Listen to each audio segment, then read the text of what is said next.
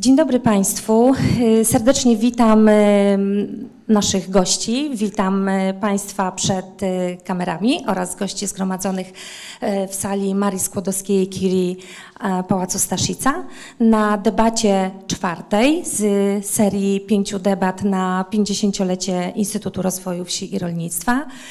Dzisiejszy temat, podobnie zresztą jak i ostatni i chyba ten przyszły, kiedy był pomyślany rok temu, absolutnie nie zdawaliśmy sobie sprawy, jak będzie ważny i istotny dzisiaj. Dzisiaj oczywiście w obliczu sytuacji międzynarodowej, jaka, jaką mamy od y, trzech miesięcy. Mianowicie tematem jest energia. Energia, energia wsi. Transformacja czy, e, czy rewolucja. Korzyści czy zagrożenia. E, Bezpieczeństwo energetyczne i bezpieczeństwo żywnościowe idą w parze.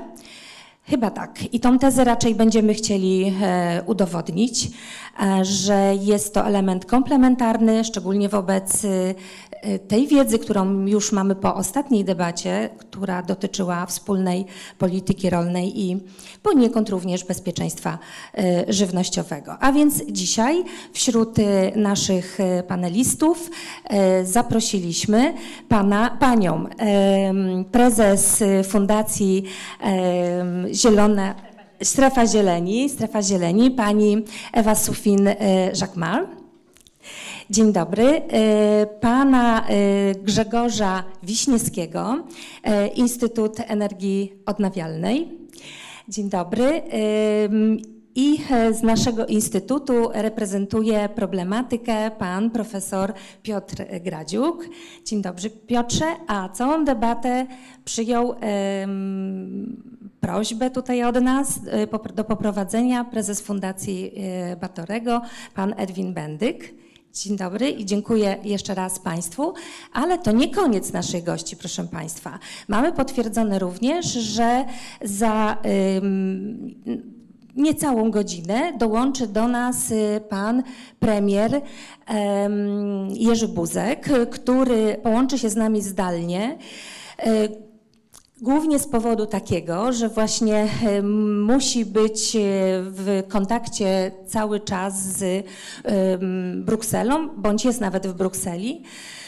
No właśnie, podejmując tematy związane z bezpieczeństwem energetycznym, głównie z bezpieczeństwem e, gazowym. Ale jak się połączy, e, będziecie Państwo onlineowo e, widzieli, a e, tu prowadzący e, pan redaktor Edwin Bendyk e, jakby włączy w dyskusję e, pana e, premiera Jerzego Buzka. Bardzo Państwu dziękuję, życzę dobrych obrad, ciekawych pytań i dobrej, owocnej dyskusji. Oddaję Państwu głos. E, Dziękuję bardzo. Dzień dobry Państwu. Pani Profesor, dziękuję serdecznie za zaproszenie i za, za tę misję poprowadzenia debaty, która rzeczywiście przygotowywana jeszcze wie- wiele miesięcy temu no, była z innym zamysłem, też inny, inny, inny kontekst te, towarzyszył w tej chwili. No nie możemy się oderwać od tego, co, co, co się dzieje, ale też patrząc właśnie jak, jak dynamiczna jest e, sytuacja, chociażby ubiegłotygodniowa wizyta premiera Scholz, e, kanclerza Scholza w Afryce, w Senegalu, prawda? I jakoś nagle wzmacnianie intensywne relacji Europy z, z Afryką, nie tylko w kontekście surowców, ale właśnie bezpieczeństwa żywnościowego Afryki zagrożonego, no wiemy z jakiego powodu. Więc to wszystko, tak technicznie brzmiący temat energia wsi, transformacja czy rewolucja, wymyślony na lepsze czasy, dzisiaj odkrywa no, wie, wiele znaczeń, na pewno nie jest tematem tylko technicznym. Znaczy na pewno nie unikniemy analiz y, możliwości dokonania tej transformacji, jak i pewno będziemy dotykać miksu energetycznego i takich kwestii, które tym, którzy zajmują się energią są istotne, ale Pewno nie zabraknie też odniesień, no właśnie, i do tego, czym jest wieś dzisiaj, jaka jest struktura i, dla, i w tej strukturze, której rolnictwo jest tylko częścią przecież funkcji, jaką wieś dzisiaj e, obsługuje e, w nowoczesnym społeczeństwie. To pytanie o energię zarówno w sensie wytwórczym, jak i, jak i dostępu do energii jest kluczowe. Potem y, bezpieczeństwo żywnościowe, które tak, tak mocno się przypomniało po czasie, kiedy przekonania, że energia, żywność była i będzie tania. Dzisiaj już wiemy, że to nie musi być prawdą, nie tylko ze względów y, wojennych. No w końcu, o czym nie możemy zapominać, a, a chętnie niektórzy zapominają, tu jeszcze nie padło, no też bezpieczeństwo klimatyczne i cały proces transformacji do, do, do, do bezpiecznego klimatu, który też jest nie, nierozerwalnie związany. Więc mam nadzieję, że, czy jestem przekonany, że akurat w tym gronie jesteśmy w stanie te tematy poruszyć, na pewno nie wyczerpać, bo byśmy musieli rozmawiać ba, ba, bardzo długo, e, zwłaszcza, że chcemy też, też Państwa włączyć do, do dyskusji jak, jak najszybciej, kiedy już te problemy zmapujemy i główne tezy się pojawią. No ale właśnie, zacznijmy od od, od, mapowania i tu chciałbym pana Grzegorza Wiśniewskiego poprosić o pierwszą wypowiedź, gdyby pan e, mógł spojrzeć e, Oczywiście pamiętając o tym, że, że, mamy mówić o energii wsi, ale jednak tę wieś i te, te, problemy umieścić w ogóle w tym szerszym kontekście tego, co się wydarzyło po 24, no i w jakiej jesteśmy sytuacji rozmowy o bezpieczeństwie energetycznym, o, o, o, o tym, co tak naprawdę się zmieniło, a co się nie zmieniło, na ile, jak Pan obserwuje, no jest taka pokoza, że jednak wszystko wróci do, do tego, jak było, że to, to jest po prostu jednak no, jakiś konflikt, który da się zanegocjować i, i znowu wrócimy do, do, do, planu, który mieliśmy, no bo plan był oczywiście, no mamy e, Europejski Zielony Ład, jeżeli mówimy o Europie, mamy e, Fit for 55, który istotną częścią te, tego dotyczy, jakieś kalibracje w postaci Repower EU, ale te są ciągle mało e, kon konkretne, więc jak, jak Pan na to patrzy jako no, wieloletni obserwator tej rzeczywistości? Bardzo dziękuję za, za debatę, zaproszenie i za możliwość odpowiedzenia na, na pierwsze mm, pytanie. E, ono jest e, mm, trudne, dlatego że mm, e, niestety nie patrzymy z perspektywy energetyki na rolnictwo. No widzimy rolnictwo tylko jako dostawcę żywności na nasze stoły. E, a i, i jaki jest powód? Dlatego, że, że rolnictwo mm, w sumie nie jest olbrzymim konsumentem energii. To w sumie konsumuje około 6% całości energii. W związku z tym energetyka, dostawcy energii nie są zainteresowani rolnictwem, no bo przemysł E, gospodarstwa e, domowe, miasta e, są znacznie bardziej atrakcyjnym mm, odbiorcą energii. I to jest po pierwsze.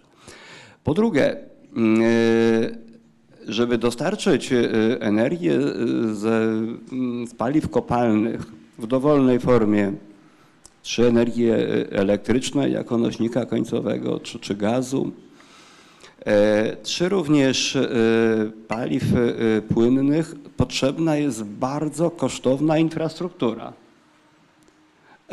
I energetyka nie chce ponosić dużych nakładów, żeby dostarczyć rolnictwu to, co jest potrzebne. Tymczasem to jest mała ilość energii w sensie bilansu o niezwykle olbrzymim znaczeniu w sensie społeczeństwa, w sensie całości gospodarki. Czyli tu mamy absolutny brak symetrii e, pomiędzy funkcją rolnictwa, ale również obszarów wiejskich, a e, patrzeniem na, na, na rolnictwo i obszary wiejskie przez energetykę, w szczególności energetykę scentralizowaną, opartą na paliwach kopalnych. No i yy, zaszły ostatnio no, niezwykłe, yy, niezwykle dramatyczne yy, wydarzenia, które skutkują w dwójnasób i w dwójnasób uderzają w, w rolnictwo i w odbiorców energii na obszarach wiejskich. Po pierwsze, rolnictwo średnio w Unii Europejskiej już do tej pory E, traktowało energię oczywiście jako środek produkcji, który średnio w Unii Europejskiej e, e, stanowi 5% kosztów produkcji rolnej. Też niedużo. Ale y, oczywiście, jeżeli konkurujemy na rynkach międzynarodowych, konkurujemy kosztami krańcowymi, to to 5-6% coś znaczy. Poza tym y, y, zaczyna być ważne, czy z czego jest to 5-6% energii, bo jeżeli do, do sklepu, może w Sztokholmie czy, czy w Kopenhadze, tak, trafią dwa jogurty, jeden będzie miał czarną plamkę, a drugi y, zieloną, to ten z tą czarną plamką nie będzie sprzedany. Czyli liczy się cena tej energii i liczy się to, czy ta energia jest zielona, czy nie jest y, y, zielona. Natomiast ostatnie dane, którymi dysponowałem, niestety to sprzed czterech lat, nie zdążyłem dokopać się, bo energetyka rolnicza to nie jest konik y, instytucji statystycznych, tak, y, również w Unii Europejskiej, to w Polsce koszty energii wówczas stanowiły aż 12% w kosztach produkcji rolnej, czyli my na samym wstępie byliśmy już w gorszej sytuacji. No i teraz y, najpierw na skutek szantażu gazowego Rosji, no potem agresji, rosną ceny energii w sposób niewyobrażalny. No i one oczywiście dotrą.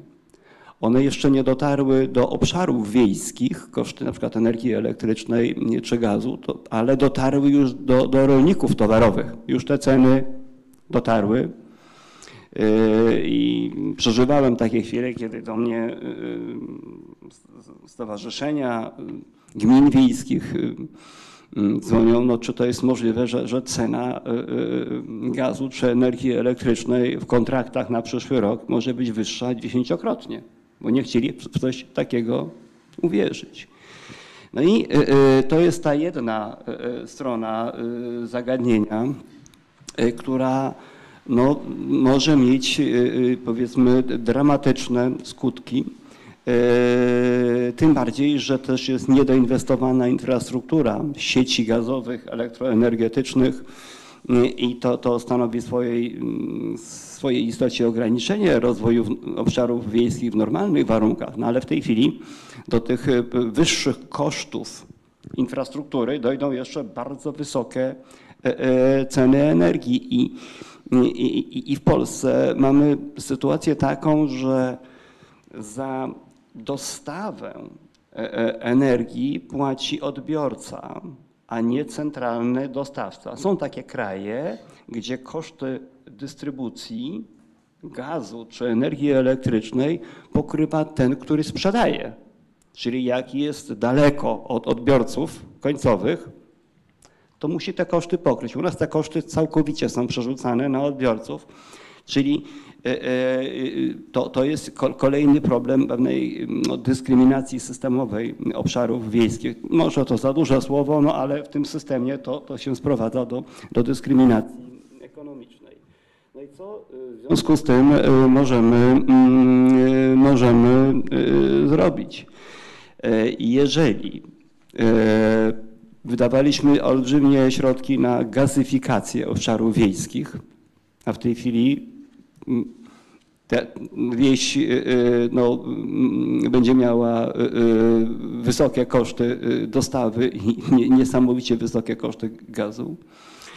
Nie inwestowaliśmy w rozwój sieci mm, elektroenergetycznych, zwłaszcza niskich napięć i jest problem z działalnością gospodarczą, która zużywa większej ilości energii elektrycznej. Jest też problem z poziomem napięcia na końcówkach sieci rozdzielczych, sieci wiejskich.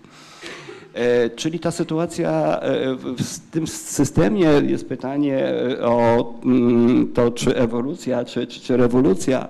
To moim zdaniem tu już ewolucyjnie niewiele tak, da się zrobić, bo, bo my y, y, y, to, co mogliśmy, to, to zrobiliśmy. Trzeba coś zmienić. I to, co mógłbym w tej sytuacji zaproponować, to wykorzystać silne strony obszarów wiejskich. To znaczy dostęp do odnawialnych zasobów energii i wpisanie się w strategię generacji rozproszonej, żeby nie było tak, że rolnik czy gospodarstwo wiejskie domowe ma tylko płacić za, za energię dostarczaną z zewnątrz i to nie tylko z Polski, ale no, w tej chwili pewnie z całego, z całego świata, byle tylko nie, nie, nie z Rosji, kiedy ta energia może być wytworzona, może wzmocnić gospodarki i ekonomię obszarów wiejskich i rolnictwa, ale poprawić bezpieczeństwo energetyczne kraju, bo widzimy nawet w tej chwili na Ukrainie, jak, jakim zagrożeniem w sensie bezpieczeństwa są elektrownie jądrowe, które w każdej chwili mogą nie działać, a, a setki tysięcy instalacji fotowoltaicznych, chociaż są niszczone, jednak działają i dostarczają energię, czyli mamy taką możliwość, że po Zielonym Ładzie, po Fit for 55, pakiecie klimatycznym, po tej nowej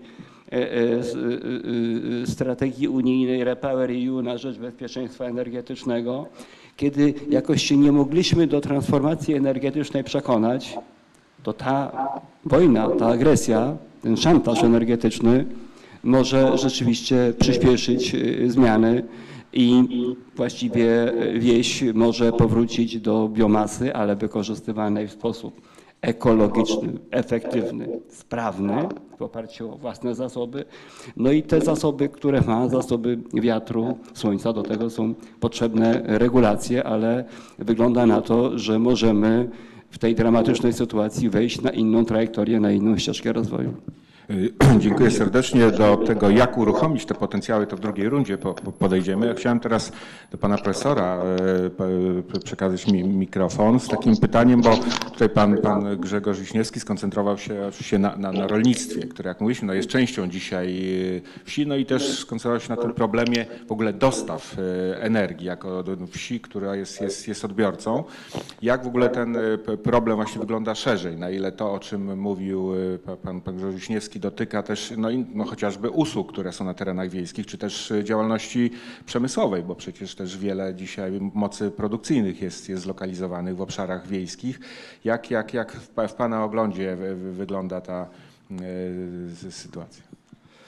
No mój ogląd e, rzeczywiście ja spróbuję spojrzeć trochę z innej strony e, na ten problem niż przedstawił to pan prezes y, Grzegorz Wiśniewski. Y, pan tutaj zaprezentował przede wszystkim rolnictwo, obszary wiejskie jako konsumenta y, energii. Ja chciałbym spojrzeć na ten problem, na rolnictwo i obszary wiejskie jako dostawcy surowców energetycznych czy energii.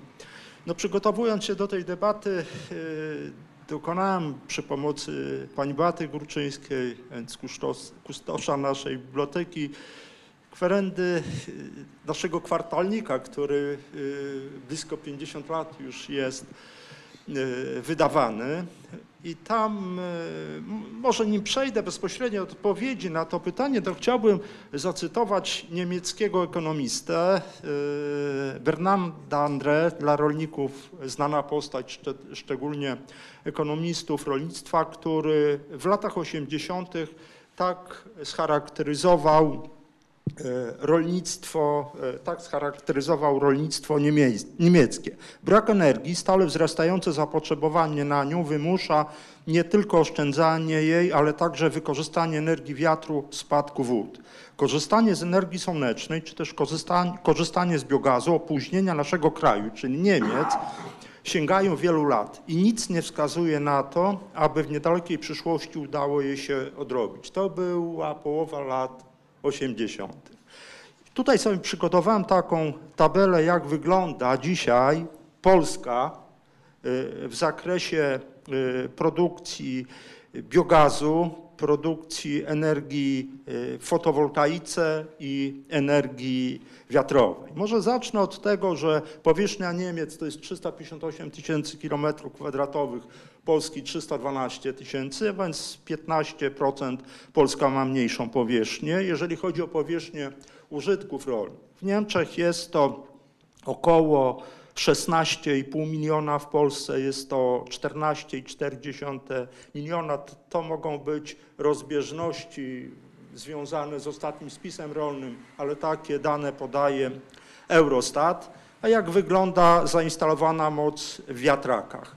56 tysięcy megawat. Y, Mówię tutaj o, wia o wiatrakach zainstalowanych na lądzie, nie y, na morzu. W Polsce 7 tysięcy, czyli różnica ośmiokrotna. Produkcja energii elektrycznej w terawatogodzinach 89 tysięcy Niemcy, 15 tysięcy Polska, więc tutaj różnica sześciokrotna. Fotowoltaika, to oczywiście w Polsce jest bardzo duża dynamika, ale zainstalowana moc to jest 58 tysięcy megawat. Tutaj nie będę, będę się posługiwał takimi wielkościami. W Polsce 7600. No ośmiokrotna różnica. Produkcja energii elektrycznej prawie 50 tysięcy terawatogodzin. Niemcy w Polsce 4600, a więc y, dziesięciokrotnie mniej.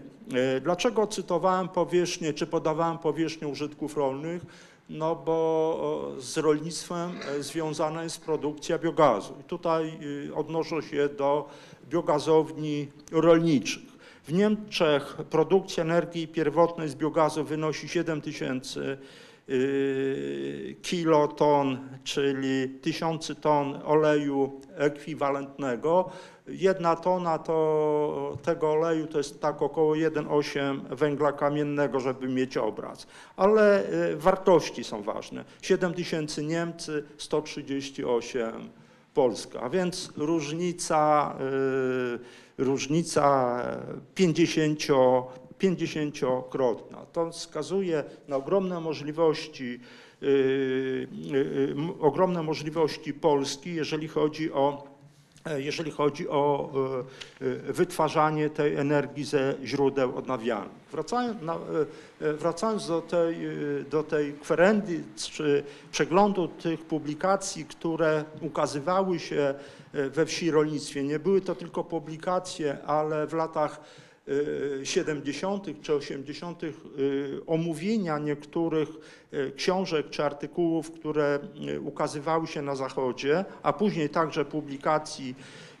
polskich, to płyną dwa wnioski. Obszary wiejskie z uwagi na swój ilościowy, jakościowy potencjał już, już w istotny sposób uczestniczą w realizacji celów wynikających z polityki klimatyczno-energetycznej, to już y, dotyczy na przykład produkcji biopaliw. E, Co jest y, y, bardzo ważne, to w, produkcję, e, w Polsce produkcja biopaliw, a głównie biodiesla, oparta jest o krajowe źródła. Nie tak jak w Niemczech czy na przykład w Holandii sprowadzane są surowce z odległości mierzonej w tysiącach y, kilometrów, a może i w dziesiątkach y, tysięcy. No i drugi, drugi wniosek płynący z tej publikacji to dzięki korzystnym warunkom przyrodniczym, bez uszczerbku dla produkcji żywności mogą zostać znaczącym producentem surowców energetycznych i energii, przyczyniać się do samowystarczalności energetycznej Polski. Podam tylko jeden y, przykład. Polsce, e, żeby zabezpieczyć w pełni, żeby zabezpieczyć w pełni zapotrzebowanie na y, energię elektryczną, wystarczyłoby założyć instalacje fotowoltaiczne na obszarze około 200 tysięcy hektarów. Oczywiście jest pewien problem polegający, duży problem polegający na tym, że e, e, jest to energia wytwarzana wtedy, kiedy świeci słońce. E, No, pozostaje problem magazynowania tej energii, ale ta energia to są przykłady już pochodzące z zagranicy. Te, ta ten nadmiar tej energii elektrycznej, która nie może być wtłoczona do sieci, bo już były w kwietniu takie, y, wprowadzona do sieci, były takie dni, y, nie wiem czy w marcu, ale, ale w kwietniu na pewno, że instalacje nie mogły odebrać energii elektrycznej wytwarzanej z elektrowni wiatrowej czy y, elektrowni e, fotowoltaicznej. Ale rozważane są takie projekty, że ta energia może być wykorzystana na przykład do wodoru.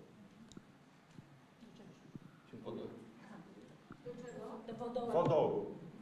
Produkcji paliwa wodorowego. Produkcji paliwa wodorowego.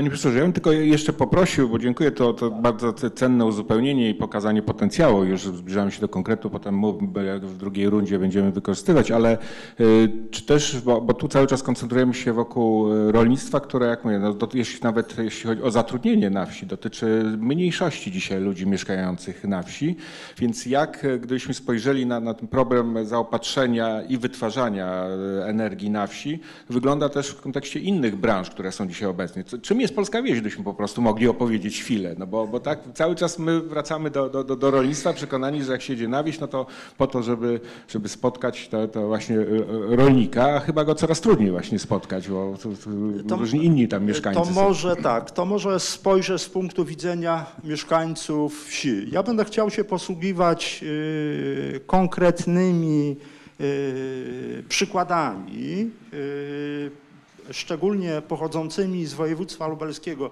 Nie dlatego, że w tym województwie mieszkam, ale dlatego, że w ramach y, regionalnego programu y, operacyjnego województwa lubelskiego. Województwo lubelskie to także wynika z analiz przeprowadzonych przez Europejskie Centrum Energii Odnawialnej. Najwięcej środków zabezpieczono na energetykę odnawialną. W pierwszym, y, w tym, w pierwszym okresie, w okresie 2007-2013 była przed, były to przede wszystkim y, solary. Są takie gminy, jak chociażby gmina, mówię tutaj o gminach wiejskich, bo przede wszystkim w gminach wiejskich to się odbywało. Praktycznie 90% gospodarstw domowych była wyposażona w solary. A więc y, y, z tych badań, które zostały opublikowane, to obniżyło koszty podgrzania ciepłej wody około 50 nawet do 60 procent i eliminowano przede wszystkim, przede wszystkim, przede wszystkim no były paliwa kopalna, energia elektryczna, e, gaz płynny, czy częściowo także węgiel. E, No chcę tutaj dodać, e, wspominał już o tym pan Grzegorz Wiśniewski, że polska wieś no, ma problemy z infrastrukturą, przede wszystkim infrastrukturą gazową. A więc to, co, co można było wykorzystywać y, energię do podgrzania wody, to, to przede wszystkim energia elektryczna, która wówczas była energią bardzo kosztowną. Czy inne źródło to gaz, propan, butan, a więc ten gaz płynny, który był znacznie droższy, niż gaz sieciowy. A więc to jest jeden przykład, w jaki sposób te odnawialne źródła energii mogą być wykorzystywane w gospodarstwach domowych. Kolejny okres programowania 2014-2020 to, to y, y, fotowolta, fotowoltaika, rozwój fotowoltaiki. Tutaj dokładne badania prowadzi z tego zakresu również Europejskie Centrum y, Energii Odnawialnej. Jestem pod wrażeniem dokumentowania tego, co w tej y, branży się dzieje. Ale oprócz gospodarstw domowych zaczęły na bardzo szeroką skalę y, korzystać z, tych, y, z tego systemu wytwarzania energii na cele własne y, przedsiębiorstwa funkcjonujące, y, funkcjonujące na obszarach wiejskich, czy wręcz zaczęły powstawać y, instalacje, farmy fotowoltaiczne. Na tych obszarach, to do dzisiaj niektórzy wójtowie gmin albo byli wójtowie gmin wypominają profesora, profesorowi Gorzelakowi, który chciał y, te gminy y, zalesiać. A dzisiaj y, te gminy peryferyjnie położone bardzo, bardzo mocno inwestują, nie gminy, tylko udostępniają te obszary w budowę farm fotowoltaicznych, chociażby gmina Włodawa, peryferyjnie, peryferyjnie położona. Wiele, wiele firm właśnie częściowo pokrywa swoje potrzeby w zakresie energii elektrycznej y, z tych instalacji, własnych instalacji fotowoltaicznych. Mogę także podać jeszcze jeden przykład. Y, przykład o produkcji biomasy pod potrzeby wielkiej energetyki. No, wielka energetyka została zmuszona do tego, żeby wytwarzać znaczące ilości energii elektrycznej, y, tak zwanej zielonej energii, no i, i, i, pozyskiwanie y, biomasy głównie z rębek drzewnych. Nie, udał się, nie udało się no, takie doświadczenie z zakładaniem plantacji roślin energetycznych. Podjęto próby, ale, ale tak sobie te próby wypadły, ale tej biomasy Yy, odpadowej jest sporo w lasach, która w znacznej ilości trafia także do yy, wielkiej energetyki. Szkoda, że nie jest wykorzystywana lokalnie. Dziękuję bardzo. E, Ewo, widzę, że, że skrzętnie notujesz, więc pewnie masz też wiele uwag już do swoich przedmówców, ale też, też e, masz przygotowaną wypowiedź, która jeszcze uzupełni tę naszą pierwszą rundę polegającą na mapowaniu problemu. Już mamy wiele szczegółów. Zapraszam teraz Twój pogląd. E, tak, ja może zacznę od tego, ponieważ Fundacja Strefa Zieleni nie jest bardzo znaną organizacją, więc może po prostu e, powiem skąd tu się wzięłam. Bardzo dziękuję za zaproszenie. E, jesteśmy fundacją promującą ekologię polityczną w takiej zielonej bańce różnych think tanków, instytutów w całej Europie i na świecie i jesteśmy jedną z organizacji, która pomaga stworzyć, wzmacniać społeczeństwo obywatelskie i tworzyć różne koalicje. Między innymi jesteśmy organizacją członkowską Koalicji Żywa Ziemia na rzecz innego rolnictwa, innej polityki rolnej i przyniosłam Państwu dlatego w prezencie dzisiaj ostatni numer Zielonych Wiadomości właśnie na ten temat i muszę się pochwalić, że Pan z Ministerstwa Rolnictwa do nas zadzwonił, do redakcji, żeby pochwalić, że taka wspaniała gazeta wpadła mu w ręce, tak merytoryczna i że nikt tak nie pisze, dlatego polecam Państwu. I po tym chwalipięctwie chciałabym się e, odnieść wśród pytań, które dostaliśmy do tej dzisiejszej e, debaty, dostałam takie pytanie, w jaki sposób na ewolucję obszarów wiejskich i jakość życia ich mieszkańców wpłynie transformacja energetyczna. Oczywiście jest to e, znakomite pytanie, ale wszystko zależy od tego, jak ta transformacja będzie wyglądała, bo nie ma jednej. I tutaj właśnie jak zaczęliśmy już po tym, co e, panowie nas wprowadzili, to już zaczęło być widać, że to nie ma tak, to nie jest wszystko czarno-białe i że nie ma jednej dobrej metody. Więc po pierwsze, w jakim kierunku ta transformacja pójdzie, jakie będą priorytetowe cele. Czy głównym jej celem będzie efektywność energetyczna, oszczędność energii i, i zasobów, no bo mówimy y, o masowej produkcji y, paneli fotowoltai fotowoltaicznych na 200 tysiącach hektarów. No myśmy w siedem zielonych think tanków w zeszłym roku pracowali cały rok i wydaliśmy taką publikację Metale dla zielonej i cyfrowej Europy, plan działania. Jest jedna pięta Achillesa tak masowej e, transformacji bardzo szybkiej, to są metale nie tylko metale ziem rzadkich, ale o, oczywiście też, ale kobalt, miedź, nikiel, wszystkie te metale i w momencie, kiedy mówimy o zależności od Rosji i o łańcuchach dostaw międzynarodowych, nie możemy zapominać o kwestiach metali. Donbas jest między innymi siedliskiem nie tylko węgla, ale również metali ziem rzadkich i jest to nowe, metale są nowymi surowcami strategicznymi dla Unii Europejskiej i nie tylko i w związku z tym ta kwestia musi w tym całym naszym e, koszyku rozwiązań być brana pod uwagę. Dlatego musimy zaczynać przede wszystkim od oszczędności energii i od efektywności energetycznej. Nie możemy po prostu przejść z tego, co mamy w paliwach kopalnych i przejść na energię odnawialną i uważać, że wszystko nam się uda. Po drugie, na ile transformacja będzie procesem regionalnym i lokalnym, a na ile będzie scentralizowana, to Grzegorz Wiśniewski o tym właśnie już mówił. Czy będziemy mieli tą lokalną, lokalne sieci, jakie bezpieczeństwo również na wypadek chaosu, i, i, który, który, który wokół nas się kręci. Widzimy, że lokalne zabezpieczenie potrzeb jest naprawdę kluczowe. Na ile transformacja będzie zdecentralizowana i prosumencka, a na ile korporacyjna i wielkoskalowa, bo ona może być lokalna i korporacyjna.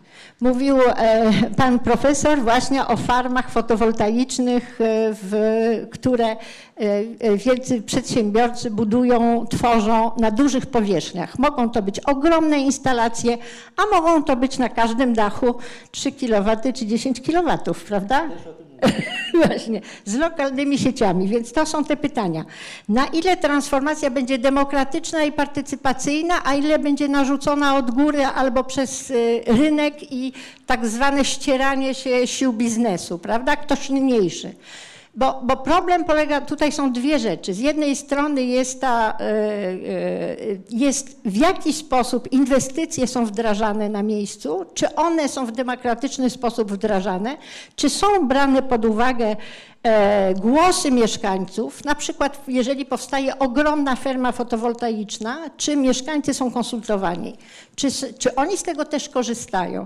Więc to jest z jednej strony kwestia demokracji samego procesu, a z drugiej strony jest energia demokratyczna, czyli energia obywatelska, taka jak e, e, spółdzielnie energetyczne, na przykład i wspólnoty energetyczne, która jest tym E, tym, e, tą dziedziną, która jest być może u nas najtrudniejsza. No i wreszcie na ile transformacja będzie wspierana przez władze różnego szczebla i jakie będą kierunki tego wsparcia, prawda? E, czy, czy będziemy korzystać ze środków unijnych, które oferują właśnie polityki i środki unijne, ale czy będziemy też korzystać z doświadczeń innych krajów. E, wreszcie, na ile e, będzie towarzyszyła tej e, transformacji energetycznej edukacja różnych grup mieszkańców i mieszkanek? I kim będą nauczyciele i edukatorzy? W jaki sposób będą ludzi uczyć? Co będą mówili o zmianach klimatu?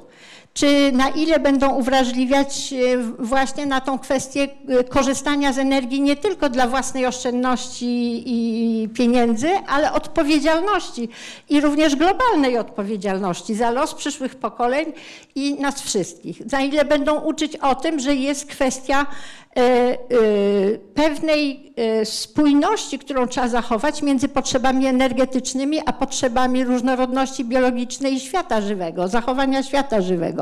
Mówiliśmy o tych zrębkach drzewnych.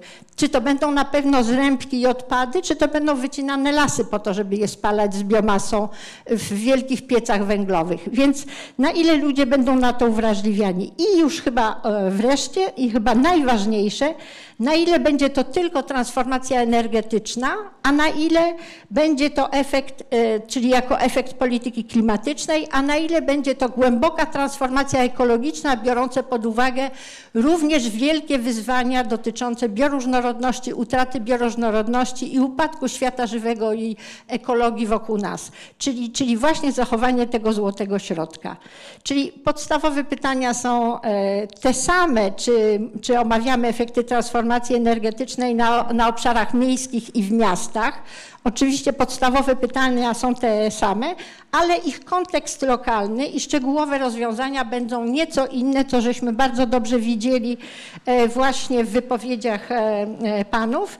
Także aspekt powiązań różnego typu między obszarami wiejskimi i miastem, czyli między konsumentami i producentami żywności na przykład, ale również obiegu materii organicznej e, ze, ze wsi do miasta i potem ono musi wrócić, z, prawda, czyli obiegu materii organicznej w przyrodzie jest kwestią niezwykle istotną, czyli ta relacja miasto-wieś będzie czymś, co się nam będzie e, stale pokazywało. Dziękuję bardzo.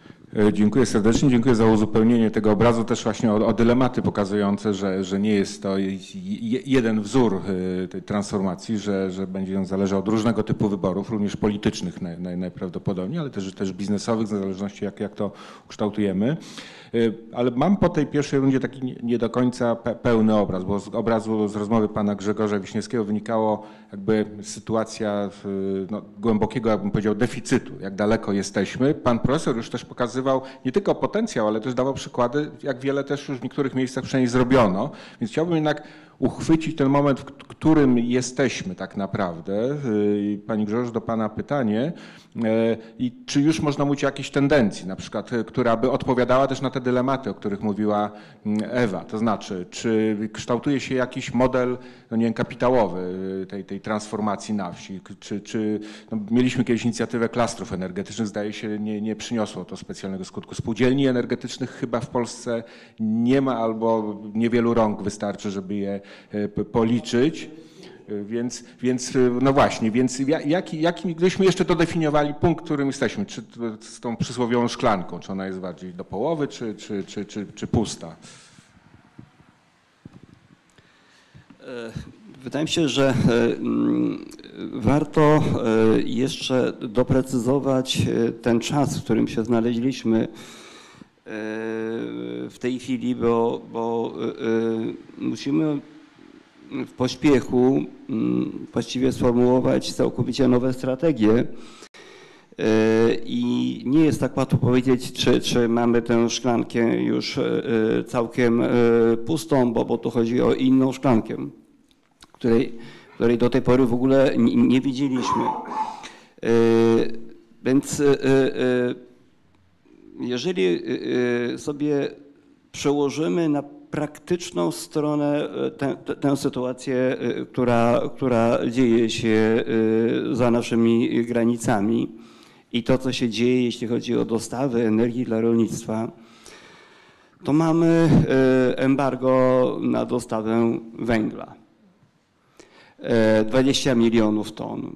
Taki naprawdę najlepszy węgiel, jaki był na naszym rynku, to właśnie antracyt z Donbasu, no i niestety węgiel rosyjski.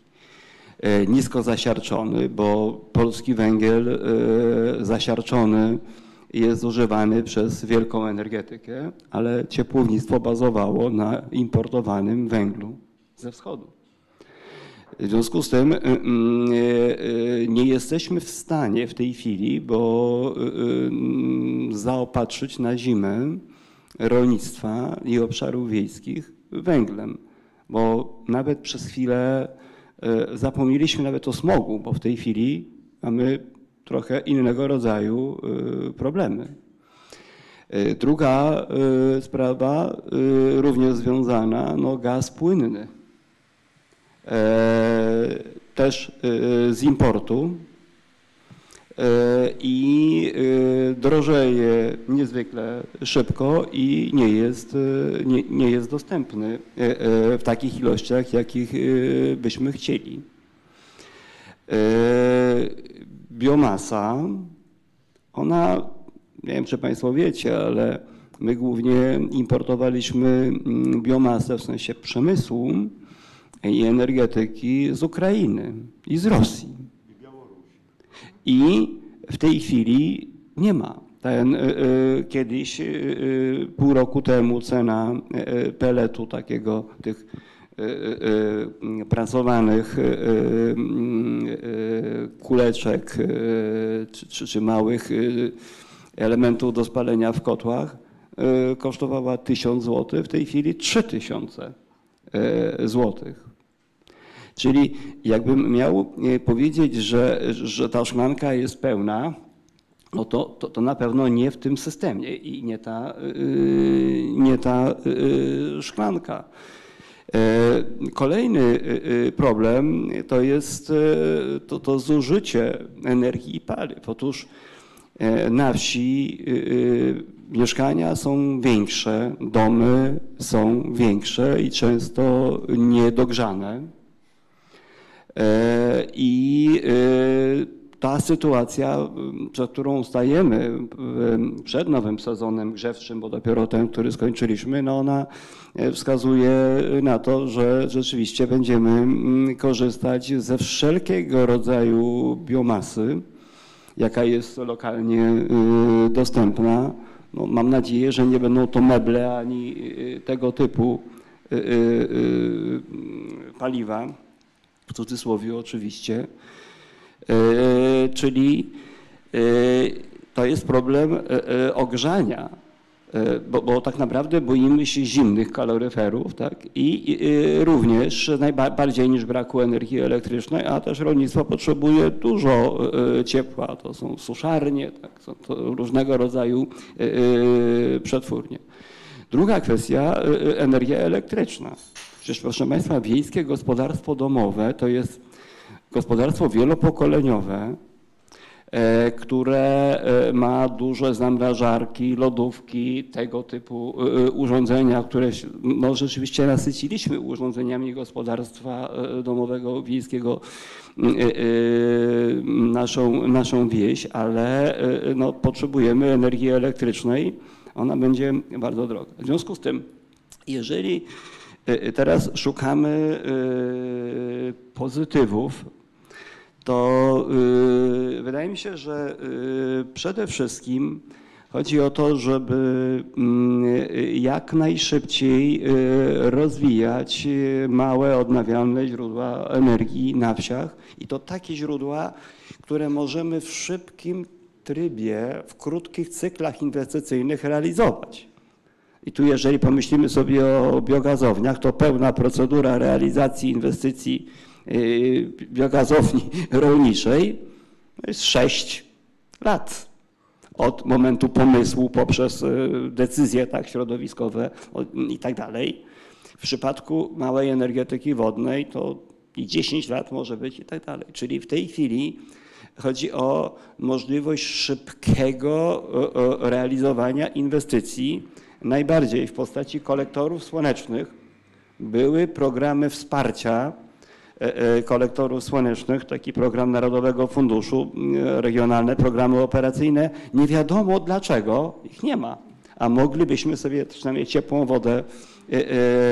To są najszybsze inwestycje, bo je możemy w ciągu miesiąca zrealizować. Również inwestycje w fotowoltaikę.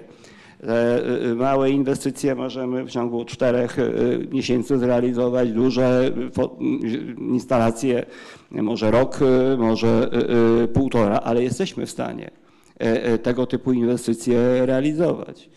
No, inwestycje w kotły automatyczne na biomasę lokalną, wysokosprawne, czyli my w tej chwili mamy technologię na półce, ona jest dostępna, ona jest sprawna, ona, ona jest przystępna ekonomicznie, możemy to robić, z jakichś powodów nie robimy. Oczywiście e, te technologie mają tak zwane duże capeksy, czyli nakłady inwestycyjne tak na początku. No i teraz wchodzimy w inny problem. Rolnicy e, i gospodarstwa domowe nie bały się kredytów bo rzeczywiście e, rolnik jest przygotowany do, do funkcjonowania w systemie kredytu. No ale jeżeli WIBOR, w tej chwili nie lubimy tak tego, tego słowa, rok temu był 0,6, teraz 6%, będzie 10%. Tak? E, I jak gdyby w takiej, doszliśmy do, do sytuacji takiej, że musimy nową strategię pisać na kolanie i w pośpiechu transformować się, bo niestety zbyt poważnie nie podchodziliśmy do strategii unijnych, nam się wydawało, że jak my coś zrobimy później, co jest związane z ekologią, to że my coś zaoszczędzimy.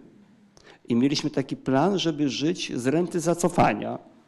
I zostało nam zacofanie, a renty nie ma. I, I, w związku z tym e, e, e, w tej chwili rzeczywiście chodzi o mądre inwestycje i wsparcie w tych inwestycjach właśnie obszarów wiejskich, bo tam jest nam najłatwiej z tego typu inwestycjami. Dziękuję bardzo. Panie profesorze, po- podobne pytanie. Czy zgadza się pan tutaj z diagnozą y, pana Grzegorza Wiśniewskiego, ewentualnie gdzie szukać też tego impulsu właśnie do, do wyjścia z tego, z tej nie- niemożności, którą pan Grzegorz y, wystawił na te zagadkowe pytanie właśnie dlaczego, skoro są technologie, skoro są gotowe rozwiązania, no jednak jest y, trochę wo- wo- wolniej. No nie, nie, nie kwestionuję to pańskich przykładów i ilustracji, no ale sam pan powiedział, że no, masa jest jeszcze, no te porównanie z Niemcami chociażby, prawda, pokazuje jak dalece jeszcze jednak y, nie wykorzystaliśmy to, co m- mogłoby być wykorzystane. Może ja zacznę od y, takiej, y, takiego dokumentu, który nazywał się Kierunki rozwoju biogazowni rolniczych w Polsce w latach 2010-2020 i drugi dokument to Polityka energetyczna Polski do 2030 roku. W ubiegłym roku przyjęto politykę energetyczną Polski do roku 2040, ale co zostało z tej polityki, y, y, polityki energetycznej Polski do 2030 roku? W tym dokumencie było zapisane, że w 2020 produkcja energii pierwotnej z biogazu, dlaczego mówię o tym biogazie, to za chwilę wrócę do tego, produkcja energii pierwotnej z biogazu wyniesie 850 kilotoe a tak jak wcześniej cytowałem, wynosi 138. Więc y, brakuje, y, jest to y, sześciokrotnie mniej niż było zapisane w tym dokumencie. No, jest dokument, jest dokument.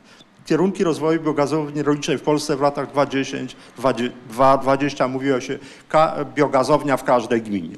Dlaczego, dlaczego zatrzymuje się przy tej biogazowni? Dlatego, że energia wiatru czy energia e, fotowoltaiczna to jest energia. Wtedy, kiedy wieje wiatr, wtedy, kiedy, e, kiedy świeci słońce, akurat e, są tutaj pewne takie ciekawe zależności, że jak świeci słońce, to mniej jest wiatru, a jak nie ma słońca, to jest więcej wiatru. Współpracujemy z y, Polską Izbą Małej Energetyki Odnawialnej. Nawet przygotowaliśmy taki optymalizator, żeby spróbować dopasować moc, moc instalacji fotowoltaicznej, prawda, żeby w jak najdłuższym okresie z tych dwóch źródeł y, była wykorzystywana y, energia elektryczna. Ale tutaj doskonałym magazynem energii może być biogazownia która jest, którą jest stosunkowo łatwo, y, stosunkowo łatwo zatrzymać, wtedy kiedy jest energia elektryczna z fotowoltaiki czy, czy z energetyki wiatrowej.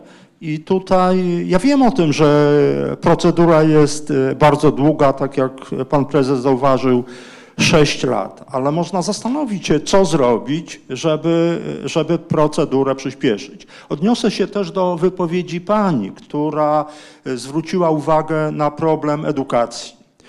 Dzisiaj jest bardzo wielu krytyków y, i było i jest wielu krytyków y, energetyki odnawialnej, między innymi elektrowni wiatrowych, budowy y, dużych elektrowni wiatrowych. Y, Zmieniono prawo, prawda, które praktycznie zahamowało budownictwo y, elektrowni wiatrowych y, na lądzie. Brak świadomości także dotyczącej biogazowni. Jest bardzo wielu krytyków budowy biogazowni, którzy w życiu nie widzieli biogazowni. Yy, Na ogół, jeżeli pojawia się problem biogazowni, to ja zapraszam do biogazowni w Piaskach. To jest taka miejscowość, gdzie kończy się si- SK, droga dwupasmowa. Dlaczego to jest takie ciekawe rozwiązanie? Dlatego, że ta biogazownia zbudowana jest na placu, yy, placu mleczarni. A y, mleko to jest takim towarem, który chłonie wszelkiego rodzaju zapachy. I tam mówię, bo brzydko pachnie. Tak, tam brzydko pachnie, bo 200 metrów czy 300 metrów dalej y, jest oczyszczalnia ścieków. Natomiast y, jak przy, niejednokrotnie przyjeżdżali krytycy, właśnie y, taki, taki były poseł Słomka z KPN-u, też taki wielki przeciwnik biogazowni, jak zobaczył tą biogazownię y, w Piaskach, to, to podjął wszelkie starania, żeby gdzieś tam w swojej miejscowości na Podkarpaciu jednak ta biogazownia, y, ta biogazownia powstała. W związku z tym chciałbym, żeby powrócić do tej idei budownictwa biogazowni, bo jeszcze raz podkreślam, biogazownie mogą, mogą tworzyć w pewnym sensie ten magazyn, magazyn y, energii. Jeżeli chodzi o, i tutaj też wrócę do kwestii edukacji. Są duże możliwości, jest wiele e, przykładów, bardzo dobrych przykładów wykorzystania lokalnych zasobów biomasy. Taki przykład, dzisiaj rozmawiałem z e, e, kierownikiem kotłowni w Grabowcu. To jest kotłownia wykorzystująca słomę. Kotłownia jednomegawatowa funkcjonuje od roku 1996 roku. Raz była modernizowana, po 12 latach wymieniono e, kotły, później po 14, 15 rok już funkcjonują te obecne. Słoma pochodzi z promienia 7 km od biogazowni. Wszystkie budynki użyteczności publicznej, łącznie z kościołem, e, plebanią, zasilane są tą energią. Cena energii jest jedną z najtańszych yy, na pewno w regionie. Inny przykład to małego miasta Nowa Dęba. To w ogóle bardzo ciekawy był projekt polegający na tym, że yy, gmina była, czy miasto i gmina była własnością około 60 hektarów i tam cały projekt zaczął się od tego, aby zasadzić to wierzbą i wykorzystywać na cele energetyczne. Ten pomysł nie bardzo wypalił, ale, ale to też jest yy, niejako ustosunkowanie się do Pani wypowiedzi, że yy, sporo yy, biomasy, która pochodzi, która dostarczana jest do tej ciepłowni, to jest między innymi zadrzewień przydrożnych. Mieszkańcy tej gminy wiedzą, że jeżeli mają sad albo coś wycinają, to mogą, mogą dostarczyć tą biomasę, która może być wykorzystana. Energia cieplna wytwarzana w Nowej Dębie należy do najtańszych y, na Podkarpaciu. Można zajrzeć na stronę Urzędu Regulacji Energetyki, bo tam trzeba mieć y, zatwierdzoną taryfę na ciepło i sprawdzić, ile wynosi Y, koszt produkcji jednego gigadżula, czy cena jednego gigadżula energii i porównać chociażby y, z tą energią, jeżeli w gospodarstwie domowym albo spółdzielnia nasza, albo kupuje, to sprawdzić, jakie to są ceny. To jest jeden, to jest jeden przykład. Inny, inny przykład to jest oszczędność w wyniku, tutaj pani wspominała o termomodernizacji. Jest taka gmina również należąca do tych peryferyjnych. Y, gmina ma swoją granicę od północy z Białorusią, od południa y, z Ukrainą. Y, koszty,